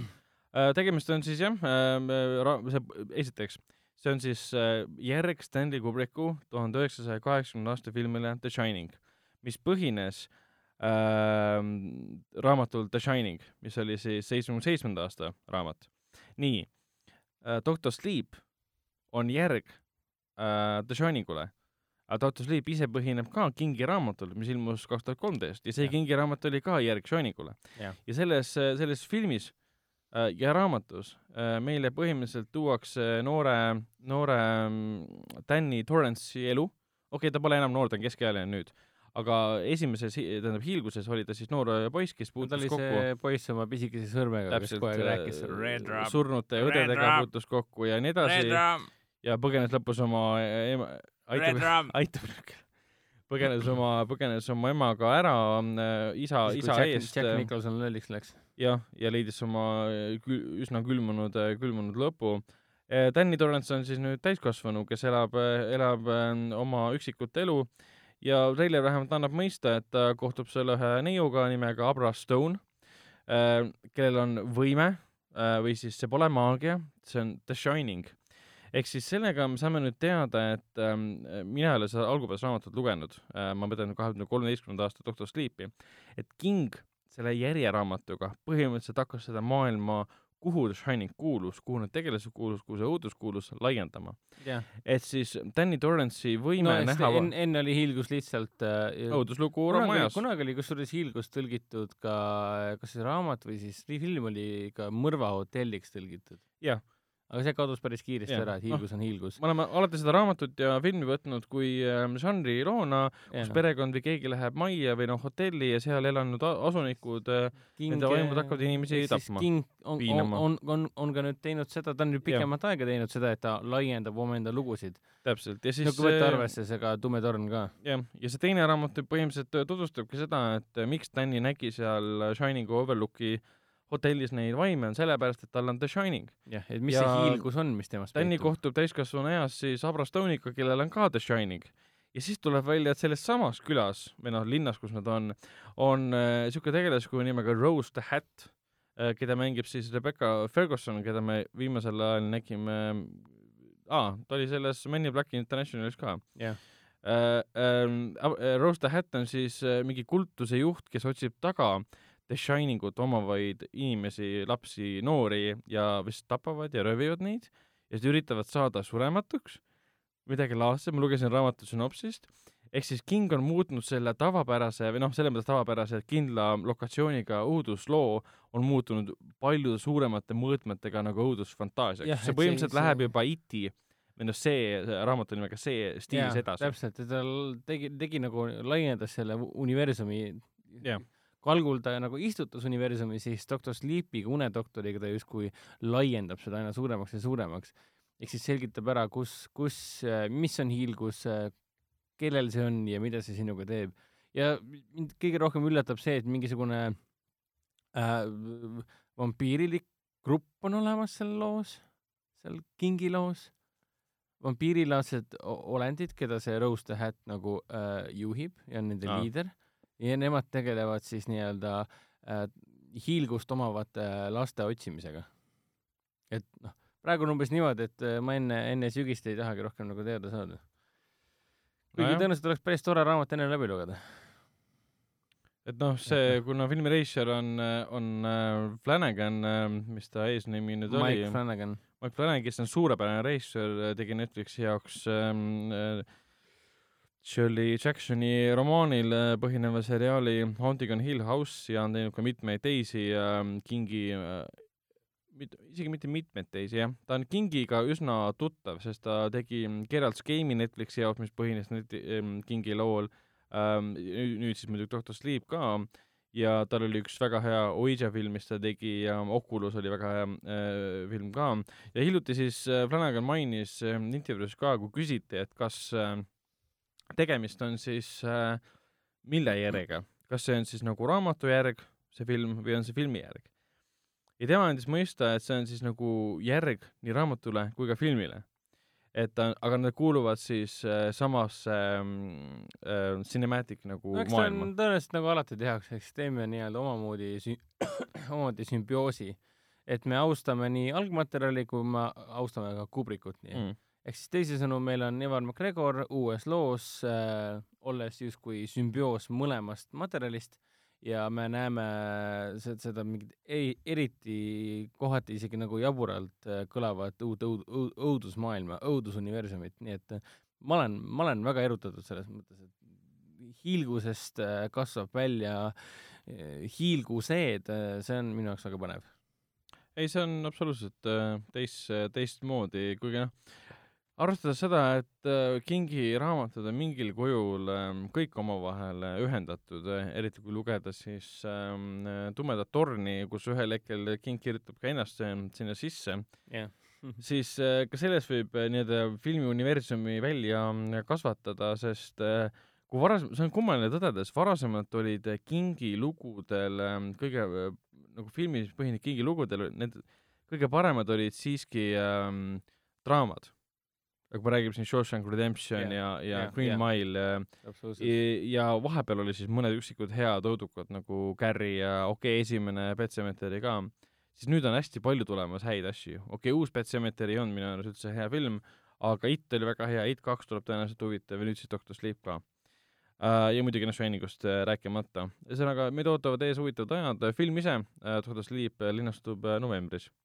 Aga lähme meie uudiste sektsiooni viimase osa juurde, milleks on muidugi nädalavahetuse mm, top äh, kolme ülevaade, need on siis äh, filmid, mis siis eelmisel, eelmisel nädalavahetuse hakul alustasid, see on siis neljateistkümnendast juunist kuueteistkümnenda juunini äh,. alustame kolmandast kohast, kuhu üllataval kombel jõudis Lemmikloomade salajane elu kaks, mis on siis nüüd kolmandat nädalat äh, kinodes, mina olen täiesti veendunud, et see film on jäädavalt esimene äh,. just, just meie poolt kõvasti maha tehtud selle, selle probleeme arutasime Mehed mustas globaalne õht jõudis teisele kohale. Äh, see on esimest nädalat kinos äh, ja esimesele kohale jõudis e- minu jaoks väga suure üllatusega äh, Preilid äh, petised ehk siis The Hustle, mis on see omaaegse, omaaegse Michael Caine'i filmi uus versioon, kus siis Rebel Wilson, nüüd siis Rebel Wilson ja siis äh, Anne Hathaway hakkavad äh, meestel, meestel äh, mida on, tegema. on kaks petis, kes tõmbavad mehepoegadel naha üle kõrvade. täpselt, aga mis siin üldse imestada on, et siin on näha, et Eesti rahvale meeldib komöödia. kolm esimest filmi kõik on komöödiad tegelikult. noh, Ja- viimased ja- kaks tegelikult on lastele ka, et Preilid petised siin, Anne Hathaway ja Rebel Wilson on paras paar, kes sobivad väga hästi kokku ja, ja kui nemad ikkagi poolteist tundi siin naerutavad põhjalikult äh, lihased krampi, siis, siis ma ei näe, milles probleem on. absoluutselt. nii, aga lähme edasi, lähme edasi äh, filmide juurde, mida oleme vahepeal ähm, kodus vaadanud, on see siis televisiooni Blu-ray või Netflixi või muu voogedastusteenuse, teenuse vahendusel ja siis räägime filmidest, mis eelmine nädal kinos alustasid ja nendest, mida me ise ka vahepeal vaatasime. Nonii, lähme edasi filmidega, mis me oleme vahepeal kodus vaadanud. minul õnnestus ära vaadata selline film nagu Bad Taste, mis on siis Peter halb maitse, täpselt, mis on siis Peter Jacksoni üks esimesi äh, filme, tema esimeste filmide hulka kuulsidki, kuulusidki ähm,, mis see oli, Meet the Feebles äh,, Bad Taste äh,, Dead Alive ja siis oli Heavenly Creatures, kus mängis noor äh, Kate Winslet. Dead Alive, kui see midagi teile ei ütle, siis mina tean tegelikult filmi hoopis Brain Deadina. Dead Alive alternatiivne pealkiri on jah Brain Dead. ja kas see ta, oli kas ta siis mitte vastupidi ei olnud, et Brain Deadi alternatiivne pealkiri on äh, emba-kumba, emba-kumba. Ja see oli jah ammu enne, kui ta hakkas tegema Sõrmust isanda filme või siis King Kongi või Kääviku filme ähm,. ja enne Sõrmust isandat tal oli veel jah, Frighteners ka Michael J Foxiga, aga Bad Taste ja siis ähm, Dead Alive või siis noh, sulgudes Brain Dead on kuulsad selle poolest, et need on need filmid, kus Jackson ise noore mehena Uus-Meremaal kõik eriti võikad eriefektid ise oma käega või oma sõprade kaasabil tegi. Ja Bad Taste on üks nendest filmidest, et minule isiklikult meeldib Dead Alive oluliselt rohkem, sest see on selline mõnes mõttes võib seda võtta kui äh, maja horrorit, aga ta on tohutult, tohutult, tohutult jabur film. tal on selline mm, Evil Deadi element võib-olla juures, aga ütleme nii, et Dead Alive on selline film, kus äh, vere ja soolikate ja mutantlike olendite kogus ja nende soolikate segu muutub ühel hetkel nii suureks ja jaburaks, et sul peategelane peab võtma äh, muruniiduki, et siis toas nendest üle sõita ja kogu ekraan on selle verega kaetud, need ongi tegelikult horror, mõlemad on horror-komöödiad. ja Dead Alive, Bad Bad Taste tähendab, ma ei olnud varem näinud, Bad Taste on siis selles, kuidas tulnukad tulevad ühte väiksesse Uus-Meremaa külla kohalikke kimbutama ja kuidas siis nende vastu võitlevad agendid äh, üritavad neist äh, lahti saada. ja Dead Alive on siis põhimõtteliselt film sellest, kuidas äh, üks äh, äh, nakatunud äh, ahvipoiss äh, hammustab ühte tädikest äh, ja tädi hakkab sellest äh, moonduma ja omakorda tekitama väga palju uusi koletisi ja üks noorsand, kes on väga sõltuv oma emast, eks, kes on seesama tädi äh,, üritab sellest olukorrast kõik sotti saada, mõlemad on kohutavalt jaburad, aga väga-väga nauditavad. ja nende puhul on võib-olla eriti just jah, teede või Bad Taste'i puhul on see kõige naljakam, et ähm, seal on selgelt näha, et see on Peter Jacksoni poolt tehtud äh,, needsamad elemendid, kaameravõtted, efekti äh, rohkus ja mõned efektid ka, need on näha ka Sõrmuste isanda äh, filmides, et see on selgelt aru saada, et äh, jah, üks film on tehtud võib-olla viie tuhande dollariga ja teine film on tehtud siin saja miljoniga või saja viiekümne miljoniga, kahesaja miljoniga, aga inimene on selle, seejuures nagu ikkagi samaks jäänud um,. Dead Alive tegelikult, me vist rääkisime HÖFFi ajal äh, aprillis äh, ka sellest, et pidi esialgu tulema HÖFFile Äh, aga see keelati siis äh, Jacksoni enda ettevõtte poolt ära, sest neil on äh, plaanis äh, tänavu anda välja siis äh, Bad Taste'i ja Dead Alive'i 4K variandid. Ehk siis see on nagu uuendatud, uuendatud variandid, taastatud variandid, et kui sa tõesti vaatad seda VHS koopiat sellest ähm, Dead Alive'ist või siis äh, Bad Taste'ist, jah, seal on see näha, et see kvaliteet kannatab selle versiooni pealt, kus seda omal ajal näidati ja kus see koopia on tehtud et see on päris äge, et see lõpuks äh, juhtub, see juhtub jah, umbes niimoodi, et lasevad välja 4K Blu-ray variandid äh, lähitulevikus äh,. pidi, pidi ikkagi juhtuma selle aasta sees, et võib-olla siis järgmine aasta HÖFFil äh, näeme äkki neist mõlemat. see oleks, see oleks küll väga vahva. absoluutselt, see oleks äh, täiesti, täiesti fantastiline elamus, eriti, eriti sõnum enda fännidele, kes ei ole Jacksoni varasemate filmidega kursis. Kes ei tea, et tal on täpselt samasugune minevik nagu Evil Deadi režissööril, kes hiljem läks üle siin äh, Spider-man'i lavastamisele või siis neid variante on veel, need tüübid, kes kunagi tegid oma oma kätega mitu-mitu aastat ühte sama filmi, et ähm, Bad Taste'i Jackson, ta lavastas ta üsna kiiresti ära ja siis veetis põhimõtteliselt viis aastat või isegi seitse aastat, veeti seda, et äh, teha valmis efektid. et teha valmis need äh, poolikud kehad ja poolikud pead, kus tulnukad söövad inimeste ajusid.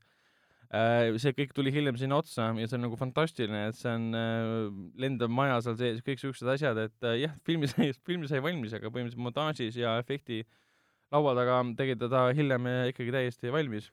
aga need olid jah, see on ainuke, jah, Bad Taste oligi minu ainuke vahepealne film, mis ma kodus vaatasin. Hendrik, ma saan aru, sa töötasid vahepeal televisiooni sisse ja sattusid Anchorman, Anchorman kahe peale, The Legend Continues, mis on siis Ron Burgundy seikluste teine, teine film. jah, et äh, kui ma ikkagi televisioonist midagi vaatan, siis ma ikkagi vaatan väga-väga hoolega valin üldse, mida vaadata, mille peale aega kulutada, sest noh, teisi vahendeid, olgu siis kino või Netflix mm. või Amazon Prime video või, või, või mis iganes variandid on kõik nagu muud palju, palju ligitõmbavamad nii-öelda. aga taevale tänu, Eesti, Eesti, Eesti telekanal, mis see nüüd enam oli, ma ei mäleta, kas TV3 või Kanal kaks, võttis kätte ja näitas siis kahe tuhande kolmeteistkümnenda, jah, täpselt kahe, kahe tuhande kolmeteistkümnenda aasta meeletult, tuli välja, et meeletult head eh, komöödiat eh, Anchorman kaks, The Legend Continues. esimest ma olen muidugi näinud, see oli siis aastal kaks tuhat neli, et ligi oh, peaaegu et kümme aastat vahet siis või. Mõlema filmi režissöör on eh, ei keegi muu kui Adam McKay ja peaosatäitja ei keegi muu kui vana hea Will Ferrell muidugi peab mainima, et Adam McKay on sama tüüp, kes lavastas äh, The Big Shorti, sai sellega. Oscarid ja tegi hiljuti nüüd ka Kristen Bale'iga Wise'i. Adam McKay on see mees, kes on tegelikult Will Ferrelliga väga palju koostööd teinud, olgu see siis äh, Anchorman, olgu see siis Anchorman kaks, olgu see siis äh, Talladega Nights Ballad of Ricky Bobby jah, Step Brothers uh,, Other Guys uh,, võtame näiteks siis veel, no rohkem, okei okay,, viimasel ajal ta polegi väga ena- en, enam teinud. ja siis ta muidugi võttis kätte ja hakkas väga-väga tõsiseks meheks, tõsiseks režissööriks, tegi uh, Big Shorti ja Wise'i, kaks Mm. mm. väga, väga tõsist ja suurepärasest, suurepärasest energiast laetud filmi. ma saan aru, et järge sa varem näinud polnud, jah? Järge ei olnud näinud ja esimest ma olin näinud, see esimene mulle väga meeldis, puhtalt sellepärast, et see on nii paksult täis seda, seda puhast Ameerika Hollywoodi komöödiat, sul on Adam McKay, produtsendiks on muidugi keegi muu kui Chad Apatow, kes on aa jaa, jaa. need, nii, ütleme nii, et sadade romantiliste komöödiate loojaks nii-öelda. ja siis sul on peaosades Will Ferrell, sul on äh, Steve Carell, sul on, sul on Paul Rudd, sul on Christina Applegate. Siin praegu ma vaatan, kes mul siin veel meeld-, mõned, vaata mõned nimed on need, kes mitte kunagi sulle meelde ei jää. aga sa vaatad seda nägu, et issand, ma ju tunnen teda seal teises osas, osas oli ka see suur äh, võitlus äh, lahingutseen. lahingutseen oli, sa oled näinud jah? äh, Anchorman kahte? teist ei ole. Aga ma tean, et seal on ka vaata hästi palju cameosid. see läks, see läks hullemaks kui ennem, et aga ma tean, et seal oli Will Smith tegi cameo. Will Smith teeb siin käme ja siin on äh, Tiina Fey on äh, noh, uncredited, uncredited tegelikult ja Mhm. siin Kristen äh, Dunst teeb isegi minirolli, siin, siin on isegi Marianne Cotillard ja Sacha Baron Cohen ja, ja Harrison Ford teeb siin väikse rolli ja ja kuulus laulja nimega Drake on ka olemas. Mm. ja isegi Kanye West on olemas, see on, see on Vince, Vince Vaughn on olemas. Mm. ja John C. Reilly ja As the Ghost of Stonewall Jackson. Et noh, ja Amy Poehler ja Liam Neeson, et see on, ühel hetkel oli see et moment, kui tseen, kus siis hästi-hästi tuntud näitlejad tulid kohale ja alates Will Smithist kuni äh, Kanye Westini panevad täiega räige siukse naljapaugu maha, et me oleme kõikide maailmate erinevate uudiste, uudistekanalite esindajad ja seal, siis algas meeletult suur sõda. ja sellist sõda ma ei oleks nagu oodanudki, et esimese osa sõda, noh, ütleme ankrumeeste omavaheline sõda äh, see, see oli ikka metsik, see oli ikkagi see oli esimeses, ma mäletan ka, jäsemed lendasid jaa, absoluutselt, aga teise osa oma läks juba selliseks Avengers Endgame'iks nii-öelda. et see oli ikka päris metsik. Aga film on iseenesest äh, toimib täpselt sama hea kui eelmine. niisugust paksu, niisugust vanakooli huumorit täis, et vanakooli mees vanakooli naljadega. mm. et noh, hea nali on, hea, ma ei tea, kas see on hea nali on, see on, hea nali on siis see, et kui Will Ferrelli tegelane saab teise võimaluse elus, et taas kord ankrumees olla Jah. kuna ta noh, filmi alguses äh, saab kinga nii-öelda, öeldes äh, boss ütleb talle, Harrison Ford ütleb talle, et sa oled kõige halvem uudisteankur, keda ma elus näinud olen. siis talle antakse kinga talle. Vau. ja siis ta saab teise võimaluse mitu, mitu aastat hiljem ja, ja, ja tema uueks bossiks on äh, mustanahaline naine ja ainuke asi, mida ta selle mustanahalise naise, mustanahalise naisega esimest korda kohtudes äh, teha suudab esimesed viis minutit, on see, et samal ajal kui naine räägib, et see on näha, et see on nagu aeg liigub edasi, progress on nii edasi, et äh, naised saavad rohkem võimalusi äh,, värvilised inimesed saavad rohkem võimalusi, enam ei ole nii, et on lihtsalt suurte vuntsidega äh, Will Ferrell äh, an-, ankrumees, kes, Ron Burgundi, kes muud ei tee, kui äh, ajab naisi taga ja lipitseb kogu aeg ja on ääretult loll. ja vana, vanakooli mees, kes ei sobi nagu mo- modernsetesse aegadesse võib. ka nii öelda jaa, ja siis selle stseeni jooksul, kui ta vaatab seda mustanahalist võimupositsiooni, positsioonil olevat naist, siis ainuke asi, mida suudab öelda, on viis minutit järjest tema tekstile vahele segada, öelda, öelda kogu aeg black, black, black. ja siis see lähe-, vahepeal see, sellel naisel viskab nii üle ja põhimõtteliselt paneb ta täiesti paika ja ütleb, et jumal hoia, ole vait, see on vana mees. aga noh, ometigi, ometigi lugu on äh, väga põnev, ehk siis aga ta saab lõpuks siis targemaks ja saab aru, et tema, tema tee, teed on uh, jaa, the wrong doing of his ways and so on. absoluutselt, absoluutselt, enne teeb ta väga palju vigu, alles siis ta saab aru, et Mm. mm. kuidas elu tegelikult käib. et kellele meeldib vana hea Hollywoodi komöödia, siis äh, Anchorman kaks ja kogu see seeria, üks ja kaks, see on äh, suurepärane viis, kuidas äh, veeta äh, kvaliteetaeg äh, Will Ferrelliga. Ma nimetangi seda kvaliteetaegaks Will Ferrelliga. ma arvan, et see võiks meie uus podcast olla, kvaliteetaeg Will Ferrelliga. see võiks meie lisa podcast'i nimi olla, kus me hakkame kõiki Will Ferrelli filme alates siin nüüd äh, mis iganes äh, old school'ist ja lõpetades mis iganes tema viimane film äh, kinos oli. kuule, aga see ei ole üldse halb mõte, sest ma saan aru, et sina oled vahepeal olnud ühe podcast'iga seotud, kus te tegin, vaatasite mida te vaatasite? vaatasime Jim Carrey filmide järgesid, kus Jim Carrey't ennast ei osalenud. Et see oli näiteks Mask, Mask kaks ja siis oli Ace Ventura kolm näiteks ja issand, mis seal veel oli, aa, see Bruce Almighty järg ja Evan Almighty näiteks, ehk siis jah, Jim Carrey filmid, kus teda ennast ei olnud. see on väga huvitav valik podcast'ist. ja, ja see oli päris põnev, sest need enamus, enamus filmidest olid ikka äärmiselt kohutavad, eriti, eriti kui me räägime siin nüüd äh, Mask kahest, mis oli täiesti, The Son of Mask, täiesti mõttetu film äh,, kuigi seal oli mõned huvitavad elemendid sees äh, ja üllataval kombel, üllataval kombel äh, ei olnud kõige hullem Dumb and Dumberer äh, kolm, see oli siis nagu eellugu, kuidas Harry ja Lloyd siis kohtusid. Ja kõige hullem ei olnud ka üllataval kombel Ace Ventura kolm, mis rääkis Ace Ventura siis pojast, mis oli ka, üritas olla naljakas ja tal see osalt ähm, ka õnnestus, aga mõtleme selle peale, aga praegu läheksime edasi filmidega, mis siis eelmisel nädalal kinodes alustasid, üks neist oli siis Mehed mustas globaalne oht, Men in Black International, millest me juba tegelikult oleme saate jooksul päris palju rääkinud, kohe räägime veel, veel otsa lisaks alustas äh, Koera teekond äh,, kuidas see ingliskeelne tõlge nüüd oli? Dog's Journey. täpselt, kus siis äh, äh, Bailey äh, tuleb tagasi äh, äh, issand, tuleb näitleja nimi ah,, Dennis Quaid. Dennis Quaidi juurde, et tema tütre, tütre perekonna eest hoolitseda.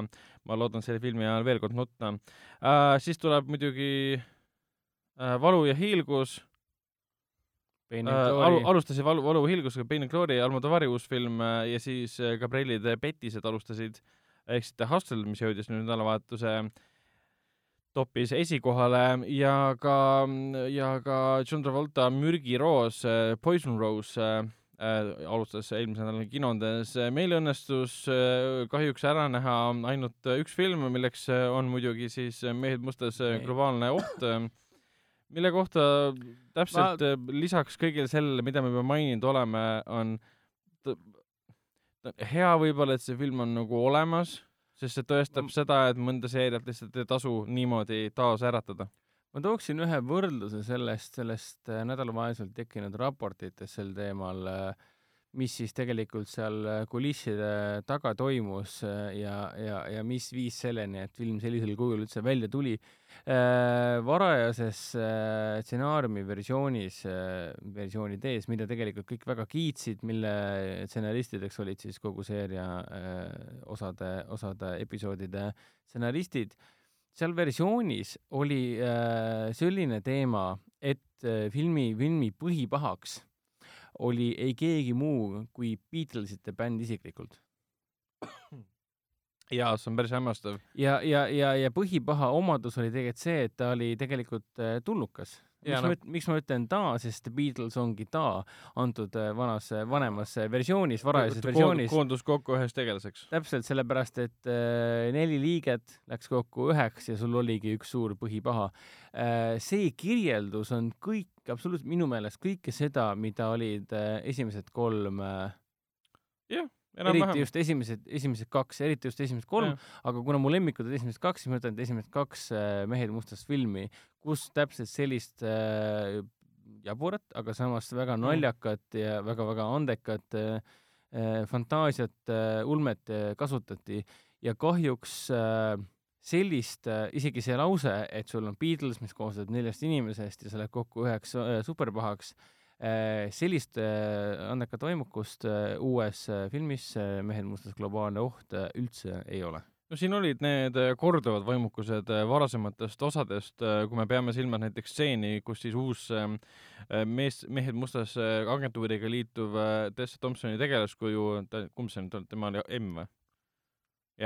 üks Ei- oli H ja teine oli M. HM.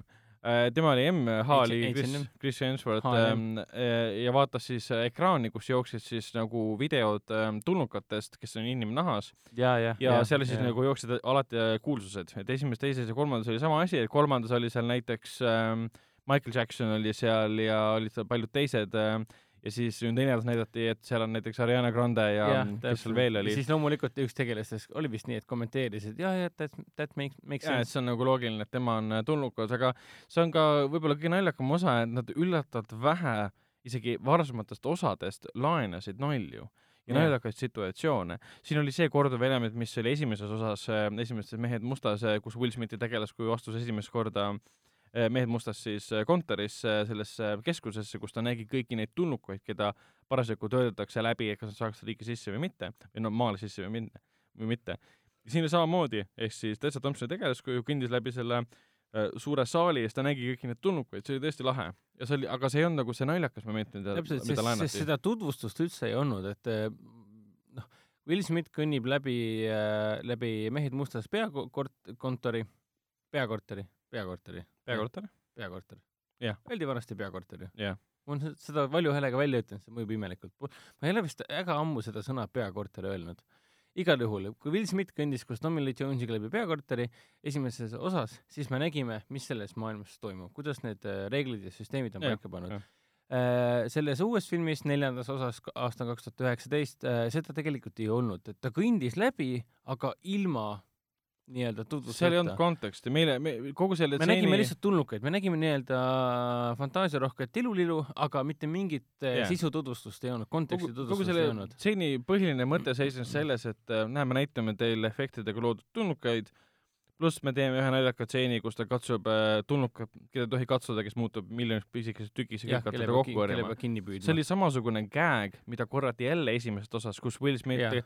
läks siis nõnda tehnoloogiat täis ruumi, kus ta katsus ühte mingisugust kerakest, mis hakkas mööda kontorit ringi lendama.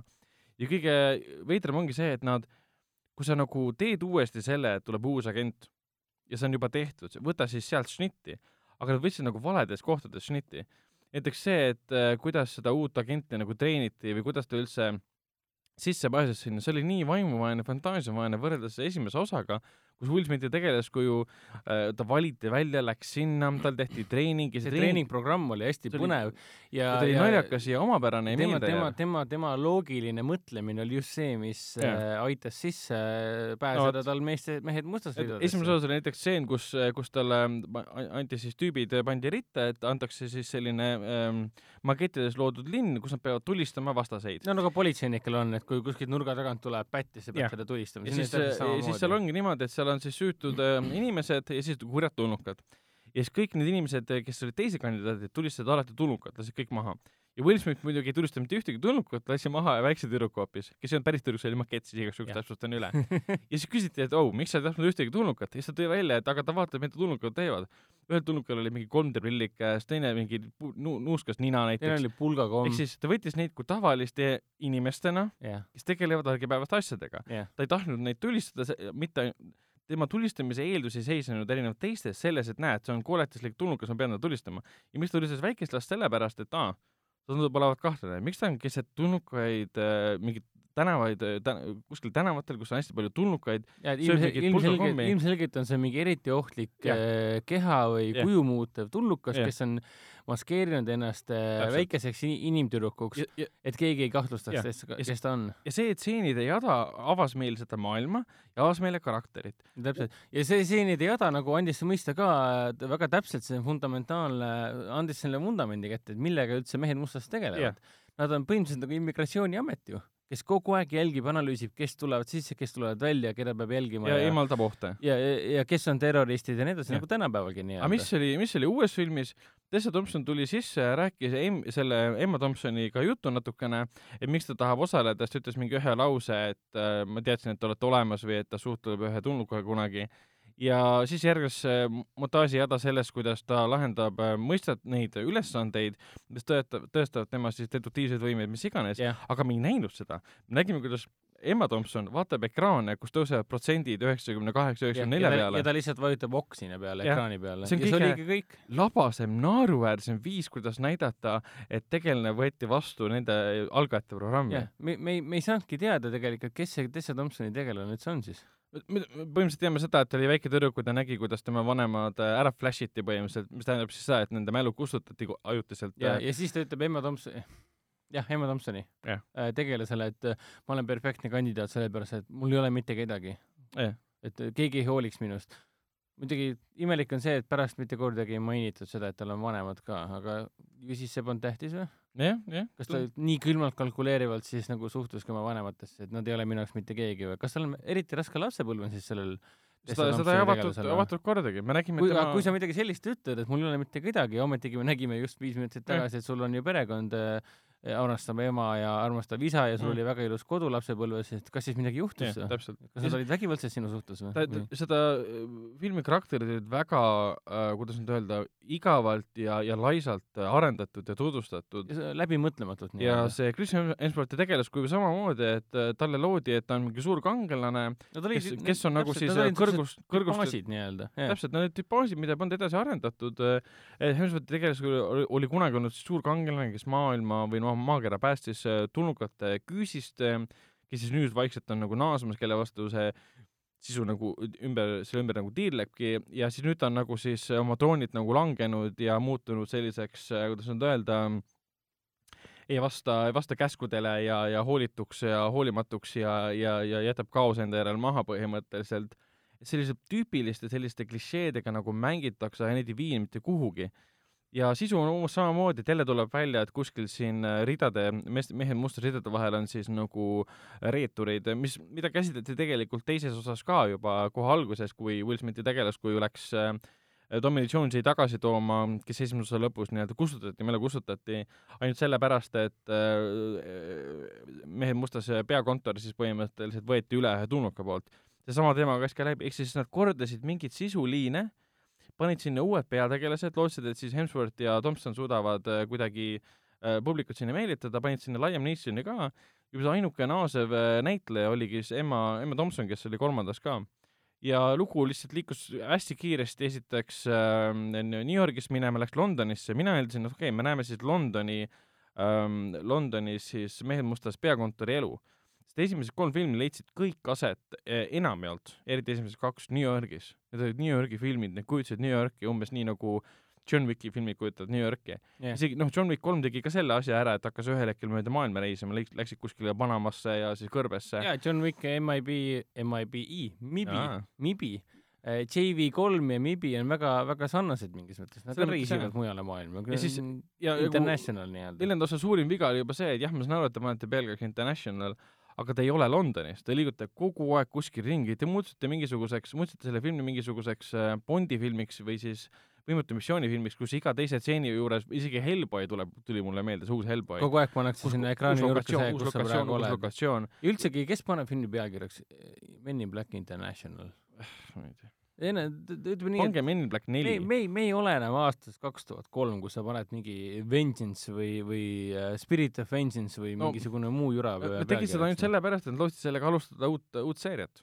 sest ju Sony ütles ka, vaata need kaadritagused infod, mis välja tulid, et põhjus, miks nad Will Smith ja Tom, Tommy Lee Jones'i ei tahtnud tagasi võtta, on see, et nad on liiga kallid jah, jah, liiga kallis teeme odavamalt. Sony ei hoolinud selle filmi valmimisprotsessis või noh, mitte hoolinud, vaid ei astunud vahele produtsendi ja režissööri tülidele ainult sellepärast, et äh, teadsid, et nad ei kaota väga palju raha selle filmi pealt aga mis suhtumine see on, sa võtad armastatud seeria, lased selle kinno, ah, me ei kaota eriti palju raha, küll ikka vaadatakse. ongi, üheksakümne seitsmenda aasta Barry, Barry Sonnenfeld on selle seeria looja, kõik esimesed kolm filmi tema lavastas, Will Smith ja Tommy Lee Jones olid peaosas, üheksakümne seitsmendal aastal esimene osa äh, kogu see seeria siis põhineb äh, Lowell Cunninghami äh, koomiksiseerial äh,, esimene osa oli üheksakümne seitsmendal aastal ääretult suur hitt, teised, teine ja kolmas osa olid samuti suured hitid. Äh, inimestele tegelikult väga meeldis see seeria, mina kasvasin üles esimese, teise osaga, siiamaani armastan südamest esimest osa. Mm.. ta on lihtsalt leidlik, ta on andekas, ta on humoorikas, humoorikas, jah, humoorikas. ta on, ta on, ta on, ta on lihtsalt umbes selline action äh, komöödia, mida sa vaatad ja sa tunned, et, et,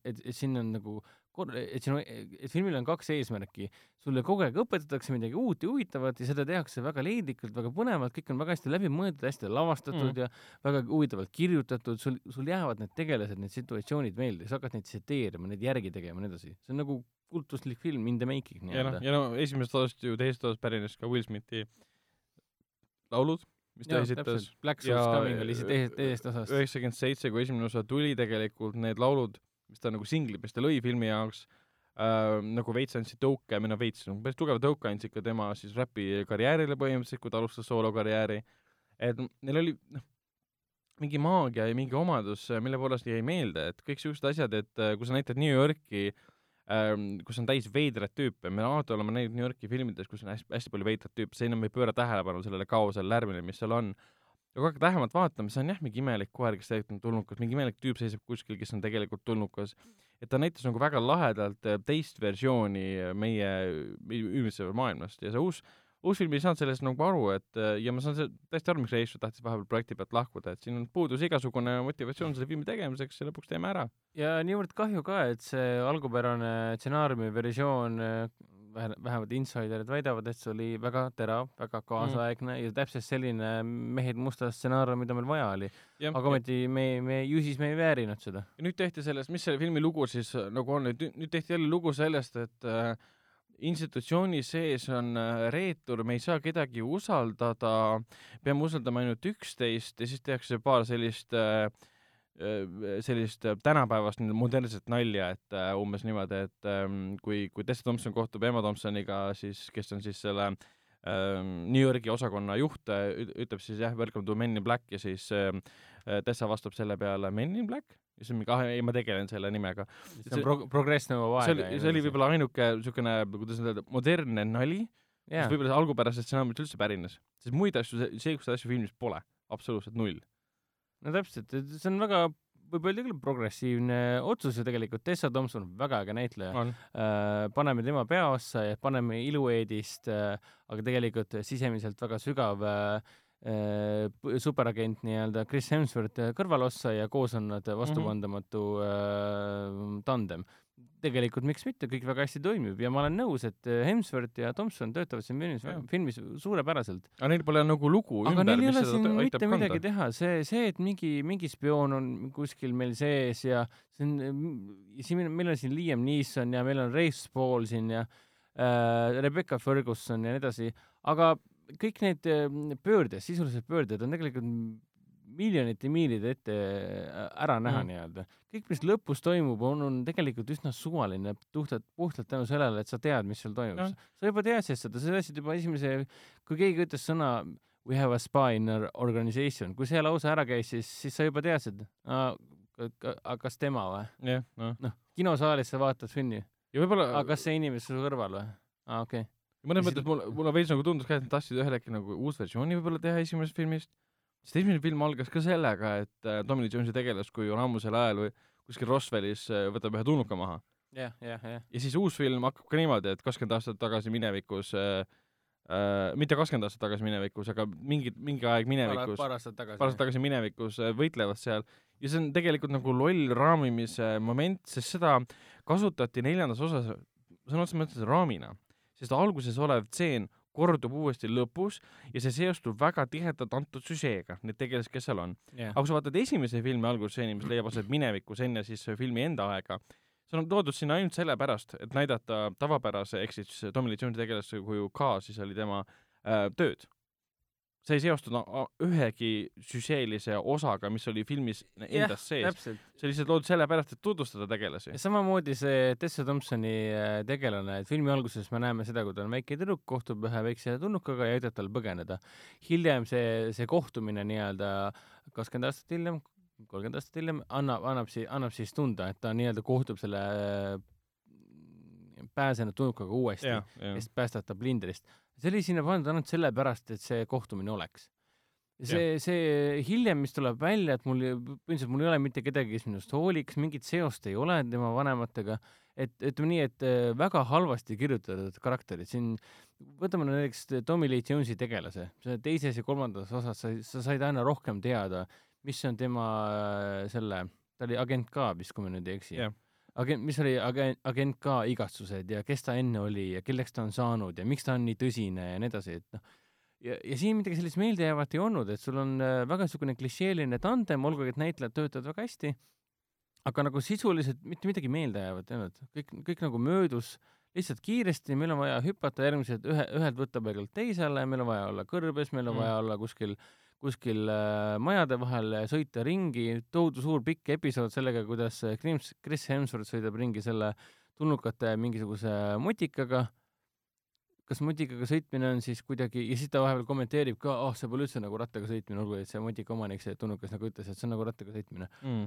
et kas, kas ma pidin siis aastal kaks tuhat üheksateist kuidagi imestunud olema, et ta sõitis, sõitis hõlju, hõlju, hõljuva mutikaga ringi või? et ma ei saanud, ma ei saanud nagu täpselt aru, et mis aastast ma seda filmi nüüd praegu vaatan, jälle tuleb see Robin Williamsi memme meelde, et what, what year is this nagu. kas me lähme, läksime nüüd kümme aastat tagasi, et see, siis kui see veel tundus nagu lõbus või, huvitav või? et noh, ühesõnaga võib, võib öelda, et äh, oleme pettunud ja see polnud päris see film, mida me ootasime ähm,. ja isegi Mehed mustas seeria fännidel on seda raske soovitada, küll aga naudivad seda ilmselt inimesed, kes ei tea Mehed mustas filmist mitte midagi, kes ei oska hinnata või võrrelda neid äh, Smithi ja siis äh, Liiga. sellega on ka see probleem, et kui sa ei tea mehest, meestest, meestest mustast mitte midagi, ei ole neid filme kunagi varem näinud, pole koomiksit lugenud ja nii edasi äh,, ja siis sa lähed seda filmi vaatama ja siis tegelikult see on hämmastav, kui vähe sa saad teada, mis asi on Mehed mustas. mis asi see on kui organisatsioon, millega nad üldse tegelevad, no paari lausega midagi öeldakse, mitte midagi sulle ei näidata. Jah. see Ja see on on-, see on nagu hämmastav, et miks selle filmi nimi siis üldse Mehed mustas on. täpselt, ja kui sa hakkad vaatama, esimene osa rääkis, millega nad tegelevad, kuidas nad töötavad. teine osa läks nende minevikku, räägib, kuidas nad töötavad ja kolmas osa läks sõna otseses mõttes minevikku, Jah. yeah., kuidas noor K töötas. me saime kogu aeg aina rohkem selle kohta teada ja kui sa nüüd vaatad puhtalt tehed neljandat osa, siis aa, te olete mingi organisatsioon, kes võitleb tulnukatega. jah, mitte, mitte et te kaitsete maad äh, universumi saasta eest ja mitte ainult neid kõiki tulistades ja tappes, vaid sõna otseses mõttes pabereid üle kontrollides rahvusvahel- või noh, intergalaktiliste organisatsioonidega suheldes uurida välja, kas nad on, kas nad on terroristid, umbes niimoodi, see kõik nagu meenutab kohati nagu Rick and Mortit, seal on ka see äh, galaktikate vaheline selline organisatsioon. pigem vaataks Mehed mustas äh, Rick and Morty versiooni, et noh, hämmastav, et seal alguses on sul äh, produtsendi poolt mitte ära rikutud väga äge stsenaarium, mida kõik kiidavad ja siis on režissööriks on sul F. Gary Gray, noh. sul on režissööriks on kes F. Gary Gray. ta on kiired ja veased kaheksa oli ja väga, väga viisakas nagu võimas action film ja oleks see ja see tekst, dialoog ja kõik see oleks ju töötanud siin Mehed mustas äh, algupäraste filmide stsenaristide käe alt oleks ju F. Gary Gray suurepärane tandem olnud ju mm.. noh, selles mõttes F. Gary Gray tegi väga head tööd äh, Kirjade veased kaheksas pärast seda, kui James Wan andis äh, ohjad üle. ja stsenaristid on kõik samad ju Kiirete vihastes äh, filmides, siin oleks täpselt sama valem olnud, aga ometigi seda, seda ei tulnud, nii et eks me olime nüüd natuke kurjad, aga jah, aga noh. aga elu ongi üks suur kõle, kole, kole paik. eks no Vau. me- meie võib-olla kriitikat võib-olla õigustab ka see, et meie armastus selle seeria vastu ja, ja ilmsiks tulnud siis probleemid kaadri taga ja üldse seniste nagu fännide ja kriitikute äh, kriitika filmi suhtes ja ka kinokassa väljendab seda praegu väga selgelt, et äh, jah, vaatame, mis selle seeria tulevik äh, toob, et kui nad veel teevad tõesti neid, siis äh, ma loodan, et toovad siis ikkagi Tommy Jones'i ja Will Smithi tagasi aga lähme edasi äh, filmi soovituste juurde. Hendrik tahab meile kindlasti rääkida natuke veel kord, nii nagu eelmises saates, kinoklassikast, sest nüüd juunikuu igal ülejäänutel kolmapäevadel tegelikult siis saab veel näha Pulp Fictioni Mm -hmm. ja juulis saab näha juba siis Matrixit. täpselt nii.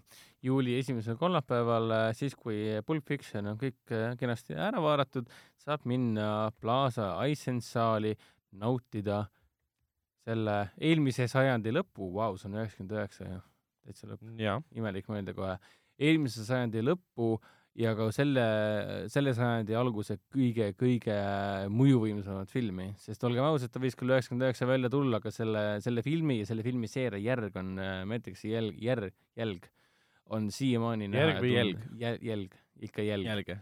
On siiamaani äh, näha ja tunda, et Keanu Reaves, Carrie Ann Moss, Lawrence Fishburne on, on tagasi, et äh, Hugo Weavingule haldjas Elrondile koht kätte näidata. oo jaa, oo jaa. aga mis ma mainiks ka selle, see ära, et Pulp Fictionit, Quentin Tarantino ühte parimat filmi, aga nüüd, kui ma uuesti vaatasin kinoekraanil, ma tõesti vaatasin, et pagan võtaks, et Inglourious Basterds vist ikkagi ei ole nii, nii, nii, nii, nii mu lemmik, kui, kui ma arvasin, et Pulp Fiction tahab selle trooni ära võtta, aga praegu on ikka veel Ing-, IB, IB jääb, jääb minu lemmikuks. ma ei tea, minu lemmik, vahepeal ma mõtlesin, et on Hateful Eight hoopis. ära räägi nii, ära, ära ropenda. Kaks lemmik- kaks lemmikut. lastesõbralik saade või noh. võib-olla tema äh, ko- kolm, kolm lemmikut võtta, siis ongi, ongi Hateful Eight, Pulp Fiction ja Inglourious Basterds. Django on ka tegelikult väga hea, peaks uuesti vaatama. Django Reservoir Dogs, Kill Billid suurepärased. jaa aa, aga ma tahtsin seda ka veel mainida, et Pulp Fictionit näeb veel kaks korda, üheksateistkümnendal juunil ja kahekümne kuuendal. aga kahekümne kuuendal juunil on äh, selline tore võimalus, et kui tavaliselt on meil äh, esilinastused suures saalis, siis äh, Pulp Fictioni kõige viimane seanss ei toimu ei kuskil mujal kui samuti suures saalis, Iceland Mm.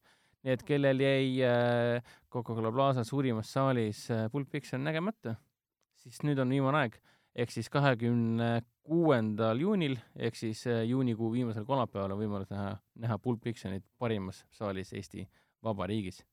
väga äge. aga lähme edasi nende filmide juurde, mis nüüd sel nädalal kinodes alustavad. üks neist on siis Ugly Dolls punkt kalenukud äh, punkt film, mis äh, räägib äh, jah, animatsioon Ugly Dollsidest, kes äh,, oota, ma ei tea sellest filmist mitte midagi. ei, see on tore, väga tore ja armas muusikaline, muusikaline animaseiklus Ma olen ainult treilerit näinud. ei, see on muusikaline animaseiklus kogu perele, nimeks, nimeks on siis Ugly Dolls kolenukud punkt film, aga võime seda lihtsalt nimetada Ugly Dollsi filmiks või kolenukkude filmiks. mm. -hmm. aga ta on päris äge lugu äh, põhimõtteliselt kolenukkudest, kõikidest nendest nuku, nukukestest, kes äh, lähevad liinilt maha, sest neil on mingi praak küljes näiteks.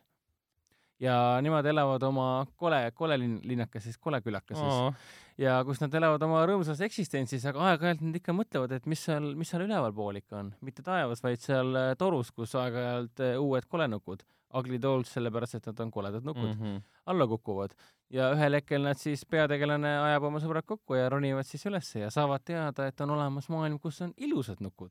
ja siis neil tuleb kõigile tõestada, et sõltumata sellest, mismoodi nad välja näevad, on nad tegelikult väga ilusad. ehk siis see on äh, ilus, ilus moraal tegelikult. niisugune Mhm. elujaatav ja ilus lugu, mina, mina igal juhul, täna oli meil, täna jah, praeguse seisuga täna oli meil pressilinastus ka ja väga siiralt võib öelda, et väga kena, väga kena lugu igas, igas mastis äh, vanusele nii-öelda. selge. igas massis äh, vanusele ei ole kindlasti Brian, Brian de, Brian de Palma uus film äh, Domino, mis on siis äh, krimipõnevik äh, mehe poolt, kes näiteks lavastas äh, sellised filmid nagu Carrie, Scarface, Untouchables, esi-, ja e- esimene Mission Impossible ka näiteks. tema uus film, seal löövad kaasa näiteks Guy Pearce, kes on suurepärane äh, peaaegu kõikides asjades, kus ta ka on ja kaasa teevad näiteks kaks siis äh, troonide mängu näitlejat, Nikolai Koster-Valdau, kes kehastas siis äh, Jamie Lannisteri Nikolaj. Nikolaj ja siis äh, Carice Van Houten, kes kehastas siis äh, äh, Red Womanit äh,, äh, kelle päris nimi oli troonide mängus viimases hooajas oli kogu aeg Red Woman, The Red Woman, The Red Woman. praegu ei tea. ma ei, mäleta nii keerulisi, keerulisi küsimusi lambist. jah, igatahes see on siis ta, Melisandre muidugi. Melisandre muidugi jah, väga ilus ja kõlav nimi, kuidas sa ei mäletanud? Jah.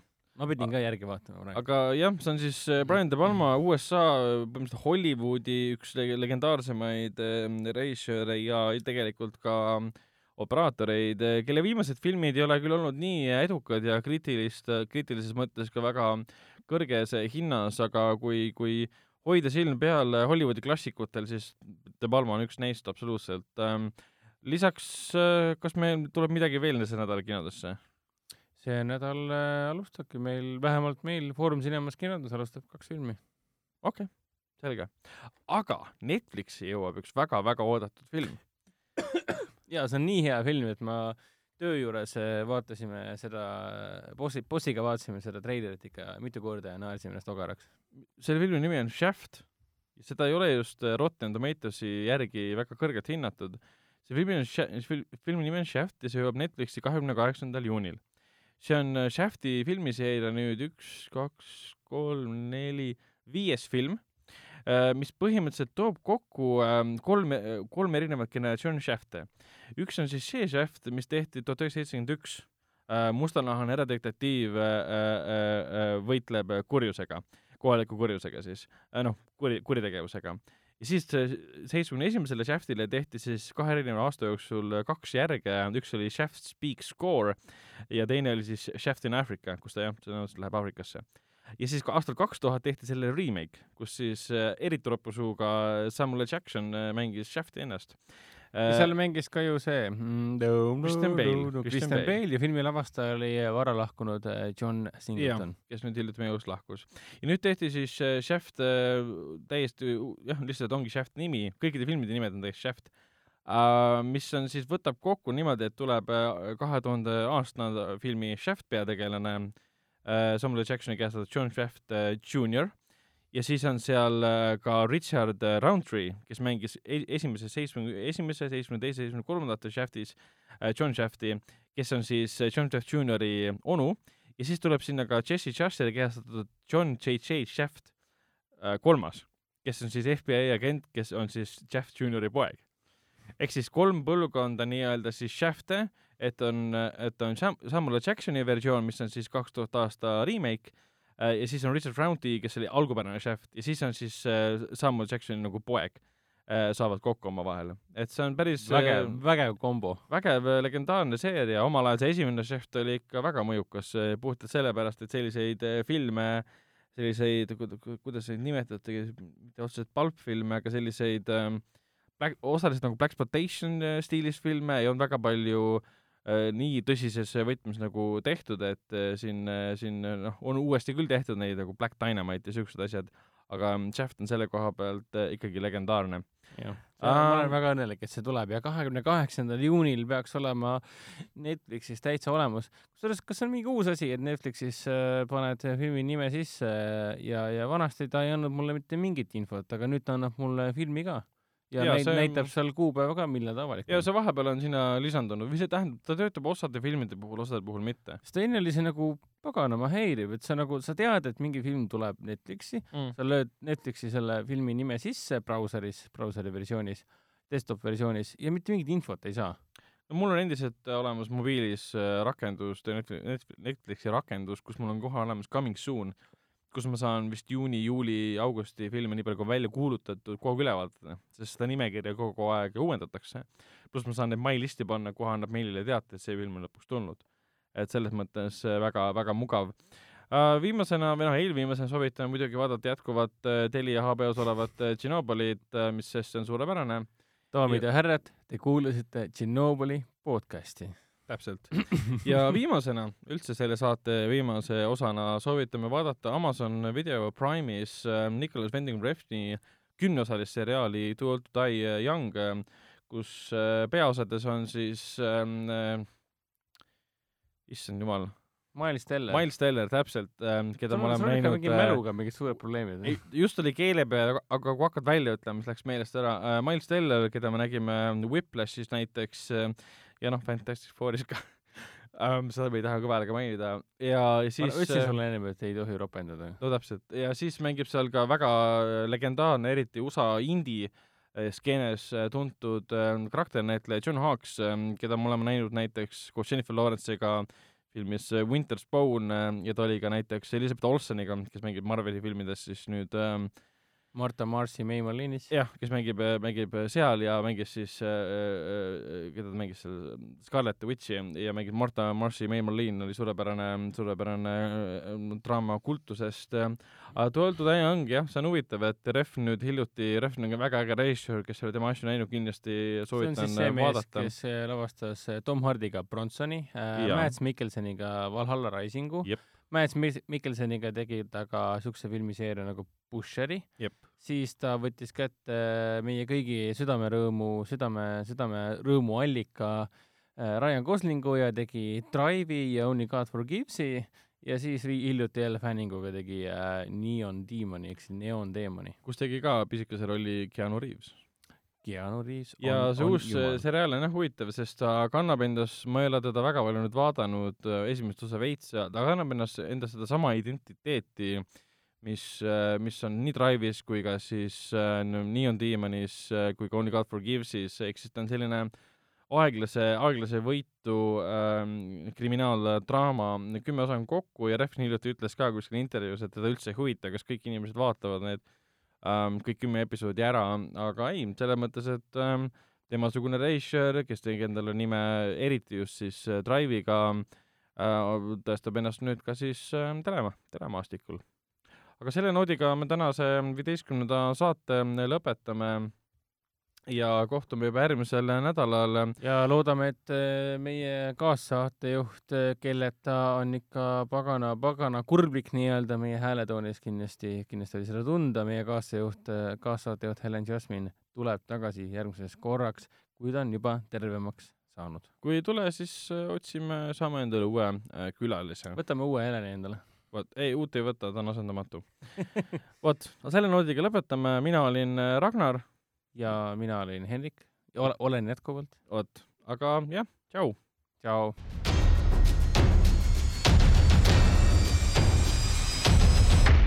kinoveebi Jututuba podcasti toob teieni Foorum Cinemas